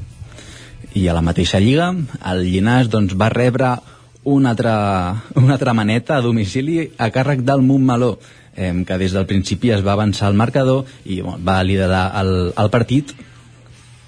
És, com hem comentat, és la segona eh, és la segona és el, el segon resultat que el Llinàs encaixa 5 gols eh, en aquesta lliga i és que porta una lliga bastant regular amb moltes pujades i baixades. Actualment està a la dotzena posició i acabem el futbol amb una victòria de l'Esport Club contra el Castell de Fels. Eh, Esport Club 4, Castell de Fels 3. Un partit que va començar dominant els visitants i al minut 52 l'Esport Club anava perdent per 1 a 3. I va remuntar. Al minut 6 i va remuntar. al minut 69 eh, posarien el, el 4 a 3 eh, amb aquest resultat no canvia res tampoc a la, les posicions de l'Esport Club però doncs demostra que també pot remuntar aquests partits que ho tenen tot en contra. Uh -huh. Així que l'Esport Club es queda en aquesta quinzena posició, els penúltims de la tercera divisió eh, de la espanyola. Molt bé. I del futbol acabem a l'handbol, sí, eh, on els dos equips de, del Cardedeu d'handbol, tant el masculí com el femení, eh, varen perdre aquest diumenge el masculí doncs, va perdre per 29 a 37 contra l'handbol Garbí de Palafrugell i eh, les noies del Cardedeu doncs, van perdre per 5 gols 20 a 25 contra la Roca. Ara mateix els dos equips del Cardedeu estan situats també a la setena posició. I acabem amb l'handbol a Granollers. El, el, les noies eh, del CAC 7 jugaven a Màlaga i varen guanyar per 29 a 35 ara mateix estan situades a la setena posició. No canvia res aquest eh, resultat. I el Franking també va guanyar fora de casa a Conca que jugaven i es manté en aquesta tercera posició de la Lliga eh, a Sobal. Perfecte, doncs moltes gràcies Òscar, parlem més endavant. A vosaltres. Fins ara de Ràdio Televisió de Cardedeu anem fins a una codinenca amb la Caral Campàs. Bon dia, Caral. Bon dia. Mireu, uh, començo per l'hoquei. Les noies del Vigas i Riells han ensopegat aquest cap de setmana a Osona contra el Voltregà. Després d'emportar-se la primera victòria el cap de setmana anterior, la primera de la Lliga, les noies del Vigas pensaven que podrien enganxar una bona dinàmica emportant-se també aquesta victòria contra el Voltregà fora de casa, però no va ser així. La falta d'encert de cara a porteria i un únic gol del rival que deixava el marcador per 1 a 0 van estroncar les opcions de les ballesanes. I males notícies pel primer equip del Sant Feliu de Codines d'hoquei, que el tenim a segona divisió i disputava contra el Dominicos. El partit va acabar per golejada aquest diumenge amb un 6 a 1 i la derrota efectiva del Sant Feliu de Codines. I en futbol, a segona catalana, el Caldes, tal com ens podíem esperar, va superar el cué del grup, el Sant Julià de Vilatorta. Els de José Luis Duque van poder resoldre el partit sense gaires problemes, amb un joc pràctic i directe. Tot i això, no hi va haver golejada i el marcador va tancar amb un 0 a 2. De fet, un d'aquests gols per l'Escaire el va poder presenciar el nostre company Muntades. I a tercera catalana, el Sant Feliu de Codines s'enfrontava al Centelles, un Sant Feliu que segueix amb moltes baixes per lesió. De fet, aquest diumenge a casa n'eren sis, però l'equip continua comptant els partits per victòries i és el segon classificat. Contra el Centelles van guanyar per un ajustat 1 a 0. El partit va ser molt complicat pels ballesans que, tot i endur-se la victòria, van ser incapaços de dur el pes del partit. I el Caldes B també va guanyar per la mínima, en aquest cas el Pradenc. A l'inici del partit els ballesans es van avançar i tots dos conjunts van mantenir un intercanvi de gols fins que al minut 78 Sánchez va sentenciar amb aquest 2-3 a favor del Caldes B que s'enfrontava al Pradenc. I a tercera catalana també el Castell Tarsol s'enfrontava al Fulgaroles, un Castell Tarsol negat de cara a porteria que ha topat amb un gran Fulgaroles i que s'avançava amb dos gols molt matiners i rematava la feina al final del partit tancant el marcador amb un Castellterçol 1, Fulgaroles 3. I finalment us comento el partit més um, disputat o més complicat d'aquest cap de setmana i és el que van disputar a tercera el Mollà i el Voltregà. El Mollà, que jugava a casa, no es va poder endur la victòria contra el Voltregà, el líder, en un partit que va acabar per 1 a 3. El protagonista de la jornada ha sigut l'àrbitre molt mal col·locat en diverses fases del partit i destorbant el joc d'uns i altres que va marcar expulsions i gols qüestionables. En una actuació parcial va privar el Mollà d'un resultat més bo del que es va veure reflectit al marcador, que va acabar amb un 1 a 3, com us deia. Tot plegat va derivar en una baralla i Bilali va perdre els nervis en rebre un insult racista per part d'un jugador del Voltregà. L'àrbitre va suspendre el partit i a l'acte va posar que encara quedava un minut i mig per acabar. Davant de tot això, el Club Esportiu Mollà ha més un comunicat recolzant el seu jugador i mostrant el seu rebuig al racisme. Gràcies, Caral. Fets d'aquests que no ajuden gens a, a l'esport. Uh, per al·lusions, Isaac Muntades. Hola, bones. per Sant Julià amb bici a veure que feien un gol. No, no, sortir del restaurant que hi ha allà al costat del camp i just sortir doncs vaig veure com uh, un jugador del, del Caldes doncs des de pràcticament 30 metres l'enviava a l'escaire. Carai, tu. O sigui, era, era el primer gol del partit i res, només sortir ho vaig poder veure, va ser un golaç, realment. Molt bé, molt bé. I pel Ripollès com ha anat la cosa? Pel Ripollès, a veure, hi ha bastanta activitat, eh? Si voleu comencem una mica per la mitja marató, n'hem Endavant. parlat eh, abans, per tant també serem més breus. Eh, eh, aquesta edició la va guanyar Nan Oliveres, que de fet repetia triomf del 2018. Eh, va fer un temps una mica pitjor que, que la seva millor marca personal, una hora 7 minuts i 43 segons, però realment va dominar la, la prova de principi a fi per davant de Josef Esayati i Xavi Tomassa i després destacar també que Cristina Silva eh, va arribar novena eh, a la meta, la primera, la primera dona que és un resultat espectacular. Eh, i en aquest cas doncs, eh, va fer-ho amb un temps també força bo d'una hora 16 minuts i, i 4 segons i, i no va tenir rival eh? ni Bàrbara Ramon ni Sílvia Segura que van completar el podi doncs eh, se li van acostar. Eh, a la cursa Comte Guifré de 10 quilòmetres va guanyar Miqui Soler amb 33 minuts i 18 eh, segons. En el cas de la categoria femenina eh, la victòria va ser per Aníria Mata amb 39 minuts i 42 segons. I a les curses de 5 quilòmetres doncs, va dominar el local a l'Eix Fàbregas i també eh, va guanyar Laura Papell del Club Atlètic Torelló. Per tant doncs, eh, van ser unes curses molt ràpides, eh, realment les de, les de 5 quilòmetres i en, una, en un dia esplèndid per, per córrer, pràcticament tampoc és que fes molt de fred i s'hi van reunir eh, uns 530 corredors aproximadament, que si això li sumes doncs, a, a les curses de, de nens del dia anterior, doncs una xifra que s'eleva més enllà de les 600 i, i sí que m'agradaria destacar-vos que Uh, hi va haver molts triomfadors, però jo penso que el triomfador més important de tots és Casimiro Murillo, que és un home de Ripoll que amb 91 anys doncs, va fer els 5 quilòmetres i fins fa pocs anys corria la mitja marató. Vull dir que realment ell, ell va ser el gran triomfador de, la- de la jornada que, que va rebre el trofeu a, al, sí, exacte, a la persona de més edat que va fer la cursa i, i realment s'ho mereix. Uh, i ara passem al que no és tan bo perquè no ha estat una jornada gaire bona esportivament. Ni per la Badesenc, que va anar líder. Ni per la Badesenc. Només hi ha hagut un resultat positiu. Uh, comencem per, per, el, uh, per el subgrup A de la segona catalana. El Camprodon, cada cop més enfonsat a la classificació, continua coem només 3 punts.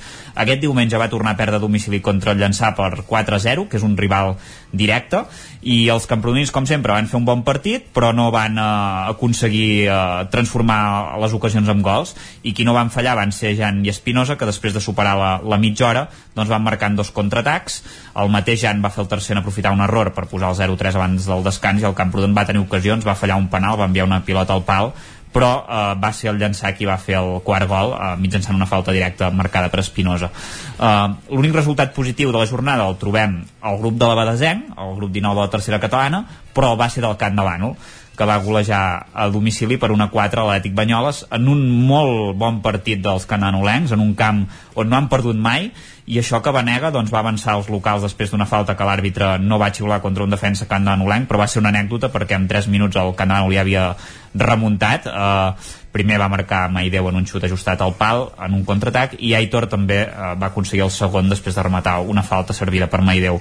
Serrador també va fer un travesser i a la segona part Vinyes amb un cop de cap després d'un córner servit un altre cop per Maideu doncs va, va aconseguir marcar i, i Maideu va completar el seu triplet d'assistència servint-li un altre gol a Serrador que va definir amb una vaselina. Ara el camp de Bànoles colíder amb 22 punts empatat amb el Gironès Sàbat i el Font Coberta l'Abadesenc eh, va caure de fet del lideratge a la cinquena posició. Eh, denota que la Lliga està molt igualada. Va caure derrotat 4-3 al camp del Cornellà de Terra en un partit eh, amb forces alternatives. l'Abadesenc es va avançar abans del quart d'hora de partit amb un xut ajustat al pal després d'una uh, una passada enrere de la mort però, el, uh, però els Sant Joanins es van diluir doncs, a base d'errors de, uh, després d'aquest gol d'Edgar. Uh, es van veure 4-1 per sota el marcador Uh, Dramé va aprofitar una mala passada enrere per empatar, Colell abans del descans doncs una altra errada defensiva va permetre capgirar. A la segona part Dramé i Artigues semblava que sentenciaven el partit però la Badesenc en uns últims 20 minuts molt bons doncs va aconseguir posar-se 4-3 amb un gol d'Albert amb un xut creuat des del frontal i de Dani que també va fer un golàs per l'escaire però no, no va ser suficient i ara la Badesenc és cinquè amb 20 punts. I dos cosetes ràpides per acabar sí Sí, l'Hockey Club Ripoll va empatar a la pista del Patí Vic en un partit doncs, que es va arribar a posar fins i tot guanyant 1-2, però no va ser capaç de, de mantenir l'avantatge. Ara són quarts amb 13 punts i marquen la frontera dels equips que accedeixen a la segona fase i l'escola de futbol Ripoll Servicat de la primera nacional doncs sí que pinta més malament perquè va perdre a casa 0-3 contra l'Albelda en un partit on no va transformar les ocasions i ara es cué amb només un punt. Gràcies, Isaac. Parlem d'aquí una estona a la tertúlia esportiva vosaltres. Ara. I acabem aquesta roda informativa als estudis del 9FM amb l'Ester Rovira parlant dels equips usonencs. Com anava el cap de setmana, Ester? Bon dia, doncs uh, bé, en línies generals prou bé, eh? hi ha hagut de tot, però com sempre, però, però bé, en línies generals uh, força bé. D'entrada destacar uh, que aquest cap de setmana hi havia la, la final de l'Europeu d'hoquei patins uh mhm. -huh. i que fins a quatre jugadors usonencs es van proclamar campions d'Europa de, amb la selecció estatal. Recordem que hi havia els porters Xavier Melian i Martí Serra i els jugadors Ferran Font i Sergi Panadero. Uh, per tant, tant uh, un nou èxit de, de l'hoquei usonenc. I parlant d'hoquei destacar que uh, aquest cap de setmana el Voltregà femení va aconseguir la primera victòria de la temporada amb un solitari gol d'Aina Arxer uh, en un partit que disputaven a casa contra el Vigues i Riells. Uh, era important perquè després de tres jornades encara no, no havien puntuat i això, la victòria va, va arribar en aquest uh, partit. Uh, qui en canvi uh, les coses li estan anant molt bé és el Martinelli a Manlleu que ja suma uh -huh tres victòries de tres possibles. Aquest cap de setmana va golejar el Vilanova a domicili per 3 a, a 8 en una primera part eh, igualada, però en un segon temps on les mallauenques van ser molt superiors. I també tenia partit aquest cap de setmana a l'hoquei Lliga Plata al Club Patí Vic, el Taradell no, la jornada just abans de, de Nadal, um, i els biguetans que van empatar a 1 a la pista de, del Ribes Les Lagunes i l'empat hem de considerar-lo positiu per als, per als biguetans, per al conjunt de David Noguera, perquè hem de dir que, que l'equip de, de Madrid no, ho havia guanyat tot com a, com a local i per tant doncs poder puntuar a la seva pista sempre s'ha de considerar un bon resultat.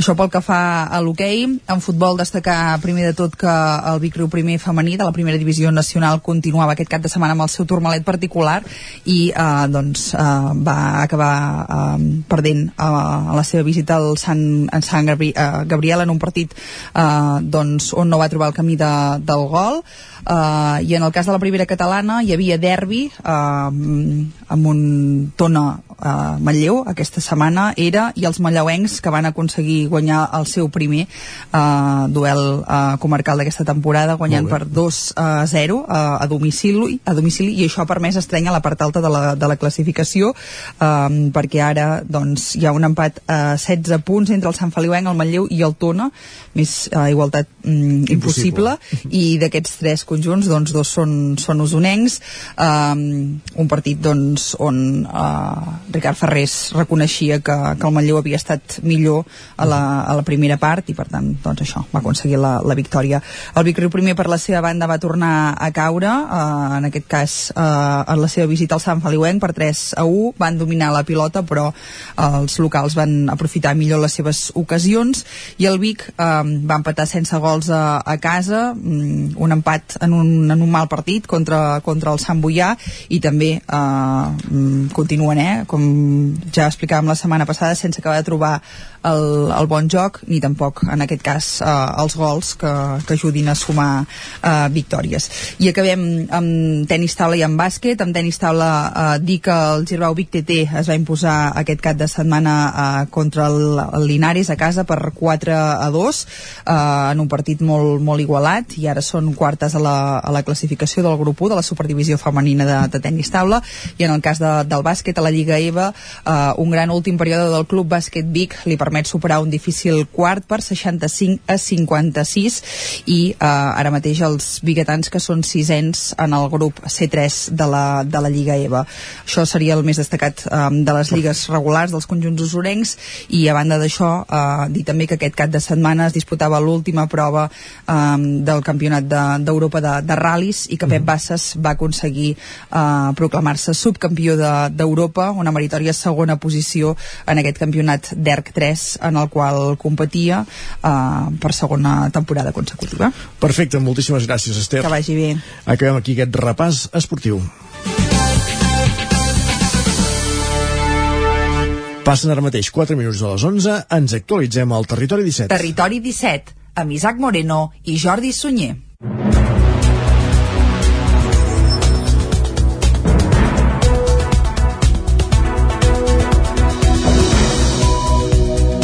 I a aquesta hora els expliquem que la C-59 torna a elevar el pic de sinistralitat amb un accident mortal aquesta nit i un accident amb un ferit greu aquest matí.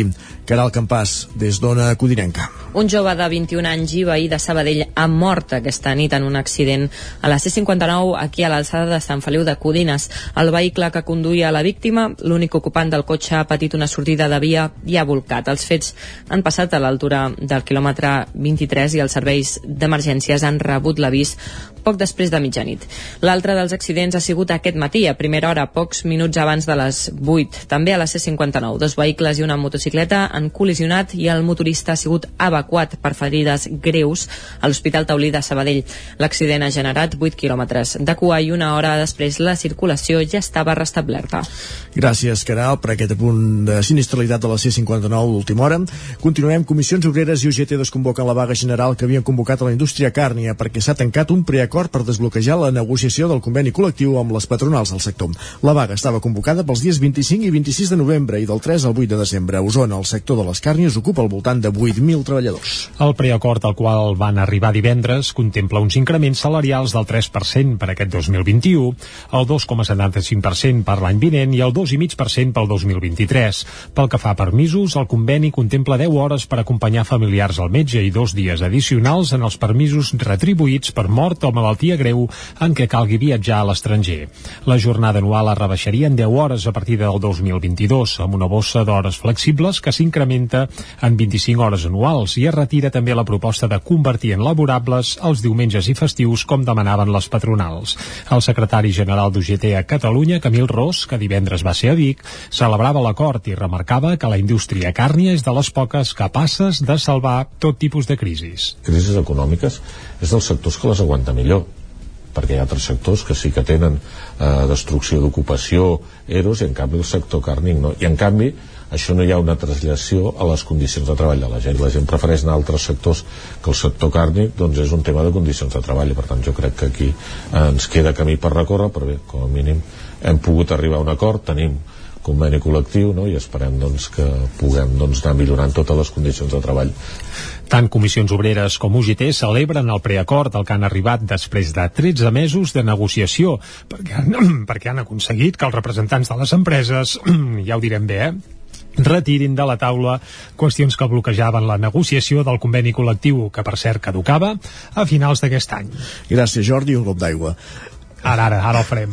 Aquest diumenge es va celebrar la sisena edició de la passejada inclusiva a Cardedeu, una passejada de 5 quilòmetres apta per a tot tipus de públic que va comptar amb més d'un centenar de participants. Núria Lázaro, des de Ràdio Televisió de Cardedeu. L'Associació de Cardedeu i Som va organitzar ahir la sisena passejada inclusiva accessible per a tothom, una iniciativa que pretén fomentar una societat més justa on s'hi pugui incloure tothom, siguin quines siguin les seves condicions i possibilitats. Abans d'iniciar el recorregut, Núria Núria Nogueres va fer un Parlament recordant la importància d'aquest tipus d'iniciatives solidàries i es va iniciar la marxa fins a Can Bordoi, on estava situat l'avituallament Núria Nogueres. Sí, sí, som, va néixer el 2014 aquí a Cardedeu, amb la intenció d'incloure les persones amb alguna discapacitat, ja sigui física o intel·lectual, i amb risc d'exclusió social incloure-les en la societat.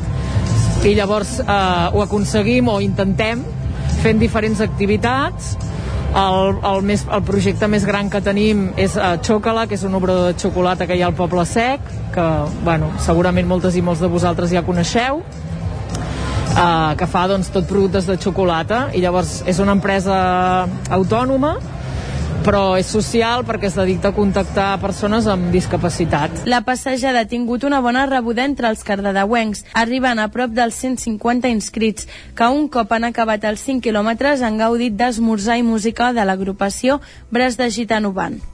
Esports. Gràcies, Núria. I anem a la veu de Sant Joan amb l'Isaac Montades. Ara sí, ampliant aquesta informació, Nan Oliveres revalida el triomf del 2018 a la mitja de Ripoll i Cristina Silva venç en la categoria femenina. Com dèiem, saludem l'Isaac Montades nou des de la veu de Sant Joan.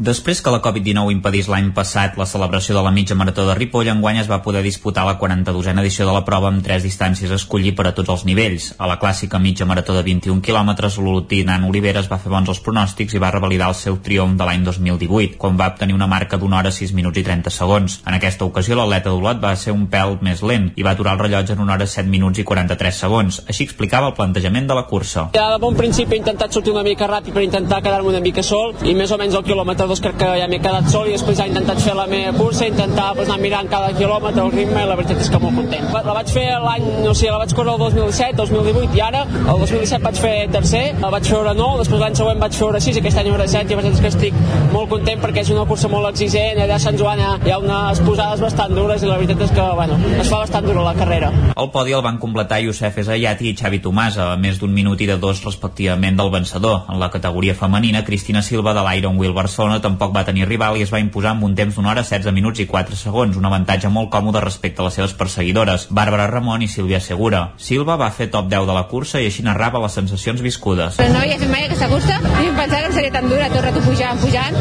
Bueno, anàvem mantenint tot el ritme i superbé. Des del principi, ja des de sortir del poble i ens hem separat.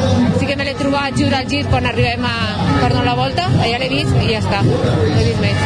Sí, va fent de pujar al principi, però quan arribes a Sant Joan hi ha una pujada que dius, mare meva, però després és baixada, però és baixada com un tobogan, va fent pujar, baixar, pujar. Miqui Soler va ser el guanyador de la cursa a 10 quilòmetres amb una marca de 33 minuts i 18 segons. A més d'un minut van arribar el segon i tercer classificats, Sofian Angmar i Rance Jiménez. La millor dona va ser Aniria Mata amb 39 minuts i 42 segons, que va ser capaç de vèncer a Marisa Zapata i Vinyet Vigordà. Finalment, a la cursa Bressol de Catalunya de 5 quilòmetres va guanyar l'atleta local Aleix Fàbregas, que va fer 16 minuts i 29 segons i es va imposar a l'esprint Adrià Martín i Adrià Hernández. En dones, la va ser Laura Papell, seguida de Karen Pena i Laura Ramoneda. La prova va reunir uns 530 participants entre les tres curses, més de 200 a la mitja marató i una seixantena de nens a les curses infantils del dissabte a la Devesa del Pla. El regidor d'Esport, Josep Isern, estava molt satisfet. Segur, és de les millors inscripcions que hem fet amb els 10 últims anys, per tant estem molt satisfets. Eh, els moments eren importants, doncs, donar l'impuls econòmic, eh, la restauració, els hotels, i portar 600 persones i amb els acompanyants, jo calculo que hi deu haver unes 1.000, 1.100 persones aquí a Ripoll, home, crec que és un impuls en aquests moments important per Ripoll i per la comarca. Un dels grans protagonistes de la setmana va ser Casimiro Murillo, que amb 91 anys va fer els 5 quilòmetres a ser el més veterà de la cursa, un atleta que ha corregut la majoria d'edicions de la mitja. Passen 12 minuts de les 11, anem als solidaris.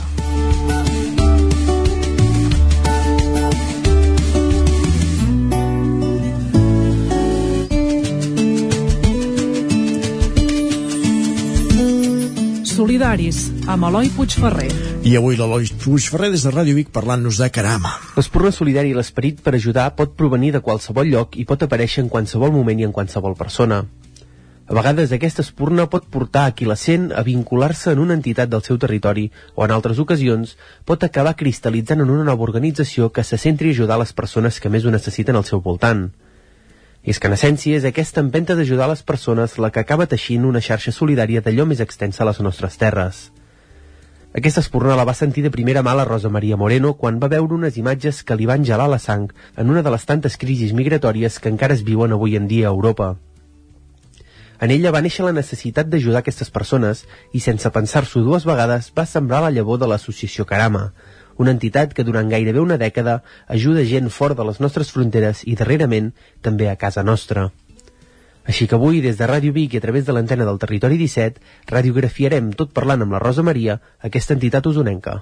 Realmente todo empezó hace como unos seis años más o menos, cuando estalló todo aquella de, aquello de la crisis de, de las personas refugiadas, todo lo que ocurrió en Hungría, que las personas que huían de la guerra fueron atravesando las fronteras y se quedaron allí atrapadas. Y bueno, realmente me impactó muchísimo, empecé, empezó todo así, me estaba viendo las noticias y me impactó muchísimo, que muchos lo recordaréis, eh, la periodista aquella que puso una zancadilla a un papá que iba con una niña en brazos. Y yo dije, Dios mío, ¿qué está pasando en el mundo? ¿No? Están escapando de una guerra y que haya gente aún así. Y bueno, me empecé, comencé a hacer un proyecto de cómo podría ayudar. Lo presenté, lo hice el proyecto, lo presenté a varios sitios, bueno, a varias agencias de logística y tal, porque yo tenía pensado en recoger donaciones para que la gente me ayudara a ayudar. Es lo que yo tenía pensado en un principio, ¿no? Y poder enviar esas ayudas ya no internacionalmente, sino también a nivel pues nacional y a nivel local, por supuesto. Y bueno, Fundación Seur, la verdad que le gustó el proyecto y firmamos un convenio en el que si todo funcionaba me recogerían todas las donaciones, mmm, bueno, de forma a coste cero, de forma gratuita. Y realmente pues ahí empecé, empecé en el garaje de casa mmm, y con las redes sociales. Empecé a poner, bueno, anunciándolo en Facebook, que a ver si por favor me podían ayudar, que necesitaba ayuda para que me ayudaran, a toda la gente que lo necesitara tanto internacionalmente como nacionalmente y demás, y por WhatsApp. Y la verdad que se hizo viral, hubo un WhatsApp que se hizo vira, viral y a nivel de Galicia fue brutal, estalló y así empecé, en el garaje de casa. Des d'aquella crisi migratòria ja han passat diversos anys, però l'entitat mai ha parat quieta, més aviat al contrari. La presidenta i fundadora de l'entitat ens explica com ha estat tot el procés de maduració de Carama fins a arribar a l'actualitat. Mira, realmente es como algo que es como una casa que vas poniendo los ladrillos por abajo y va creciendo, va creciendo, va creciendo. El hecho de empezar en un garaje, mmm, a los dos meses o así, tuve que mirar algo de alquiler, un, bueno, realmente un almacén más grande. Tuve que coger un, un almacén bastante grande porque la verdad que se ponían en contacto gente de toda España mmm, increíble, ¿eh? de todas las localidades, da igual, o sea, de todas las comarcas, era increíble. Yo digo que de norte a sur y de, y de este a oeste, en toda España, la verdad que se pusieron en contacto y empezamos a recibir donaciones. Mmm, Fundación Seur nos las traía y bueno, fue increíble. Y luego, a raíz de este almacén, tuve que coger otro más grande porque aquello seguía creciendo, seguía creciendo igual de una furgoneta, un, camión que nos venían al día, igual nos llegaban tres camiones de donaciones. Y luego ya pues nos hemos instalado lo que he dicho. En Manlleu que tenemos dos plantas porque, bueno, aparte de lo que es el almacén para recepcionar toda la logística, clasificar y demás, yo pensé ya en, en ir un poquito más allá de qué manera podíamos ayudar a nivel local. Y a nivel local, pues hemos montado una tienda solidaria donde los precios están realmente muy bien, uno, dos euros, chaquetitas a cuatro, para poder ayudar a aquella gente, pues que, bueno, a nivel local más que nada. No queríamos pisar tampoco a una entidad que hay aquí en Manlleu que se dedica a dar ropa y por lo tanto por eso pues, pusimos unos precios pues que estuvieran bien. Eso sí, cuando hay una familia muy muy necesitada sí que cogemos y le damos, pero no queremos pisar el tema de lo que es la ropa con la otra entidad. Inicialment la roba va ser el primer material amb el que van començar a treballar a Carama, però la solidaritat dels seus donants li van obrint més i més portes, fins a arribar al punt que treballen amb donacions de tota mena. Yo me centré cuando empecé en pedir ropa, algo tan simple como la ropa, ropa que no usamos, que la tenemos en el armario guardada y que dices, mmm, ¿qué hace en el armario realmente? Mmm, cuando hay otras personas que, por ejemplo, están pasando frío o personas que lo necesitan, y tal, y por eso yo me centré simplemente en el tema de la ropa en un principio. Pero la gente ya me empezó a decir, me llamaba y me decían, Rosa, mmm, mira, yo te he preparado siete cajas, cuatro de ropa y te he preparado alimentos. Y yo dije, pues mira, genial, vamos a empezar con alimentos. Y empezamos con ropa, con alimentos, bueno, nos han ayudado hospitales, escuelas, mm, policías, bomberos. La verdad que es que hemos recibido donaciones de todo, material escolar.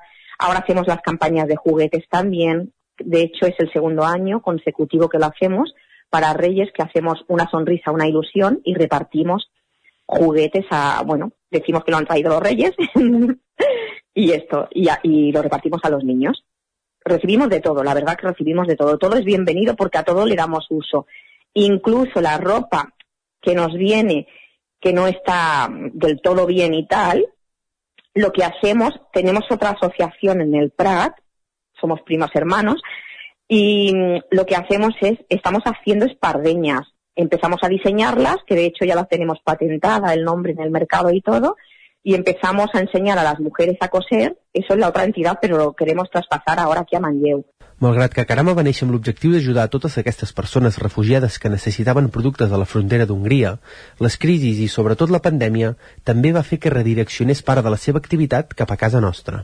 Aquí realmente, a nivel comarcal, la verdad que sí que hemos ido ayudando en Cataluña cuando lo han necesitado, ¿eh? En cualquier, cualquier asociación de otro sitio, de otra comarca que me ha dicho Rosa que necesitamos esto, pues enseguida nos hemos puesto, o alguna familia que nos enterábamos, yo que sé, Tarragona, Lleida, Girona, cualquier sitio, ahí estábamos incluso llevando nosotros la ayuda con furgonetas, con coche con lo que hiciera falta, ¿no? Siempre, eso sí, decimos que nos cercioramos de que evidentemente esa familia lo necesita, ¿vale? Que pedimos una, una serie de documentación, ¿vale? Porque te pueden engañar muy fácilmente. La gente por pedir, es verdad, hay de todo. Hay gente buena, hay gente mala y tenemos que ser realistas, hay un poquito de todo. Pero realmente aquí, el, cuando pasó todo, ha sido en el mes de marzo, cuando, bueno, marzo-abril, cuando nos, cuando nos confinaron, mm, claro, había muchísima gente que se había quedado, sobre todo, ya sabéis, la hostelería y gente que, que no podía ir a trabajar y lo estaba pasando fatal.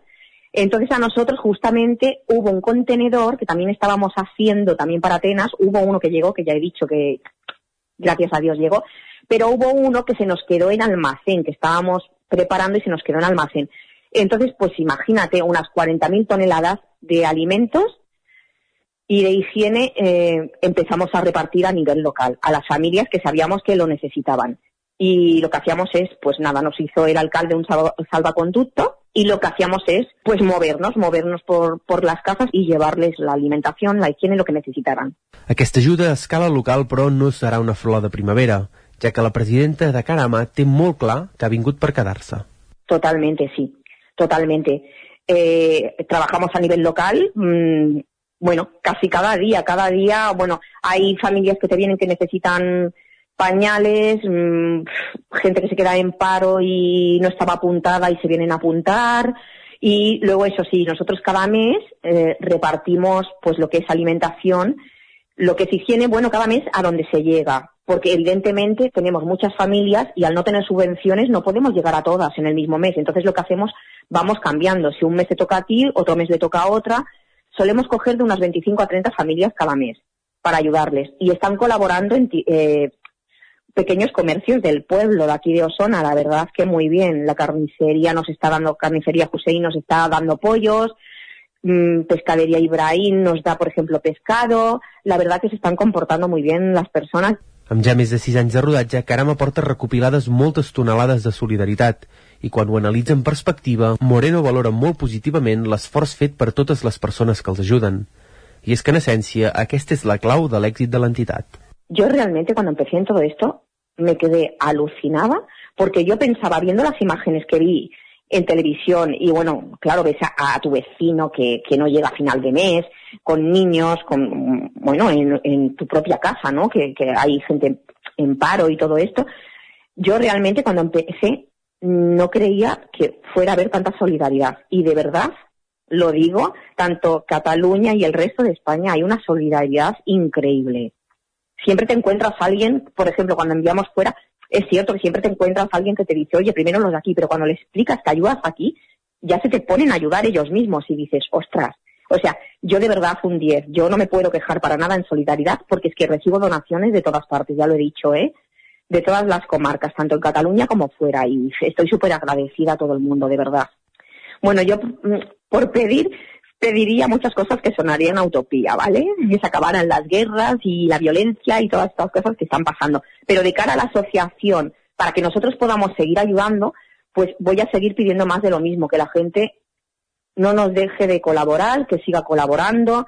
Mm, Nosotros es muy raro que pidamos, por ejemplo, en plan económico. Cuando pedimos en plan económico es para, por ejemplo, enviar un contenedor o comprar alimentos que nos faltan y cositas así. Entonces, es lo que voy a pedir y lo que sigo pidiendo y lo que digo siempre, ¿no? El que pueda con un pantalón y una camisa o una camiseta, un pantalón, da igual, lo que sea, perfecto. El que puede con un kilo de arroz, un kilo de arroz. El que te puede dar cinco euros, pues cinco euros. O sea, todo es importante.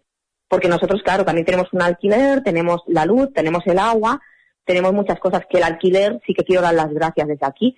Nos lo están pagando una asociación que se llama Imaya, antes salía de mi bolsillo, pero es que ya no podía más. Les ambicions de Carama, però, no es queden ni de tros curtes, ja que a més de seguir la seva activitat regular ajudant a totes les persones que necessiten un cop de mà, l'entitat no tanca la porta a organitzar activitats per empoderar encara més els seus usuaris. Pues sin quitar, mm, la, la asociación nació precisamente para ayudar. Sin quitar que estamos ayudando, que estamos enviando. De hecho, en este último año y medio ha sido brutal, a raíz de la pandemia del, del COVID y todo esto. Fue brutal porque eh, hemos enviado muchos contenedores, a pesar de que las fronteras estaban cerradas, pero bueno, mm, efectuando un tiempo que tuvimos que no pudimos enviar el último contenedor, se nos quedó a medias ahí en Atenas, casi llegando a Atenas, que habían cerrado las fronteras y no tardó un poco más en llegar, pero como era ayuda humanitaria, sí que acabo de llegar y tal. Pues mm, estamos haciendo, por ejemplo, ahora lo que queremos hacer, porque tenemos un espacio habilitado en la asociación, un espacio donde vamos a montar clases, y entonces una mujer, una señora vaya, va a dar, mm, por ejemplo, vamos a dar clases de yoga, de meditación, va a venir una señora que es enfermera también a dar charlas sobre, sobre primeros auxilios, estamos dando conferencias, hace dos semanas tuvimos una, una chica que ha estado de voluntaria en toda Grecia, en Hungría y tal, que pertenece a Fotomovimiento, y estuvo dando una conferencia sobre, bueno, ha escrito un libro, Migrar y Resistir, el último éxodo hacia Europa, y vino a presentarlo también y a concienciar un poquito, ¿no?, de lo que está pasando en Europa y que estamos mirando, pues, para otro lado. Tenir més ajuda és una de les reivindicacions que fa Moreno de cara al futur per mirar de sumar encara més persones al projecte, però aquesta no és la única. I és que si la seva presidenta pogués escollir un futur per l'entitat, no s'ho pensaria dues vegades. Pues realmente me gustaría verla mm, que sigue que sigue adelante. A ver, realmente, realmente lo que me gustaría es que la gente no estuviera pasando hambre y eso sería señal de que no lo necesitan. Pero claro, como sé que no va a ser así porque las cosas están cada vez empeorando, por desgracia, la humanidad somos así y esto no para por un motivo u otro, porque ahora está pasando lo de Bielorrusia y todo esto también.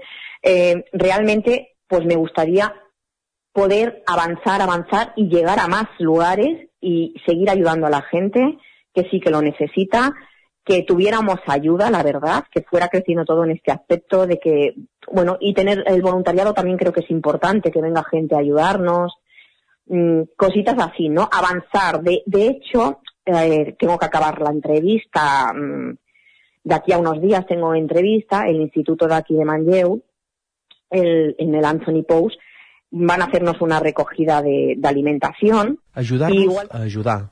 Aquest és el lema que regeix des de la seva fundació l'associació Carama, nascuda des de la societat i amb l'objectiu d'ajudar directament a la mateixa societat. Sense cap subvenció, l'entitat ja camina cap a la dècada de vida gràcies a l'ajuda de totes les persones que la formen, que a part d'assegurar una oportunitat a tots els refugiats fora de les nostres fronteres, també tenen l'ull posat en la nostra societat.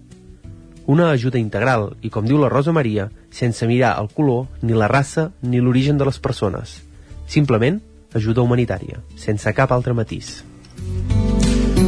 Gràcies, doncs, Eloi, per acostar-nos a aquesta altra realitat una setmana més als Solidaris des de Ràdio Vic. Fem una pausa i continua el territori 17 amb més coses a la darrera mitja hora. Fins ara mateix. El nou FM, la ràdio de casa, al 92.8.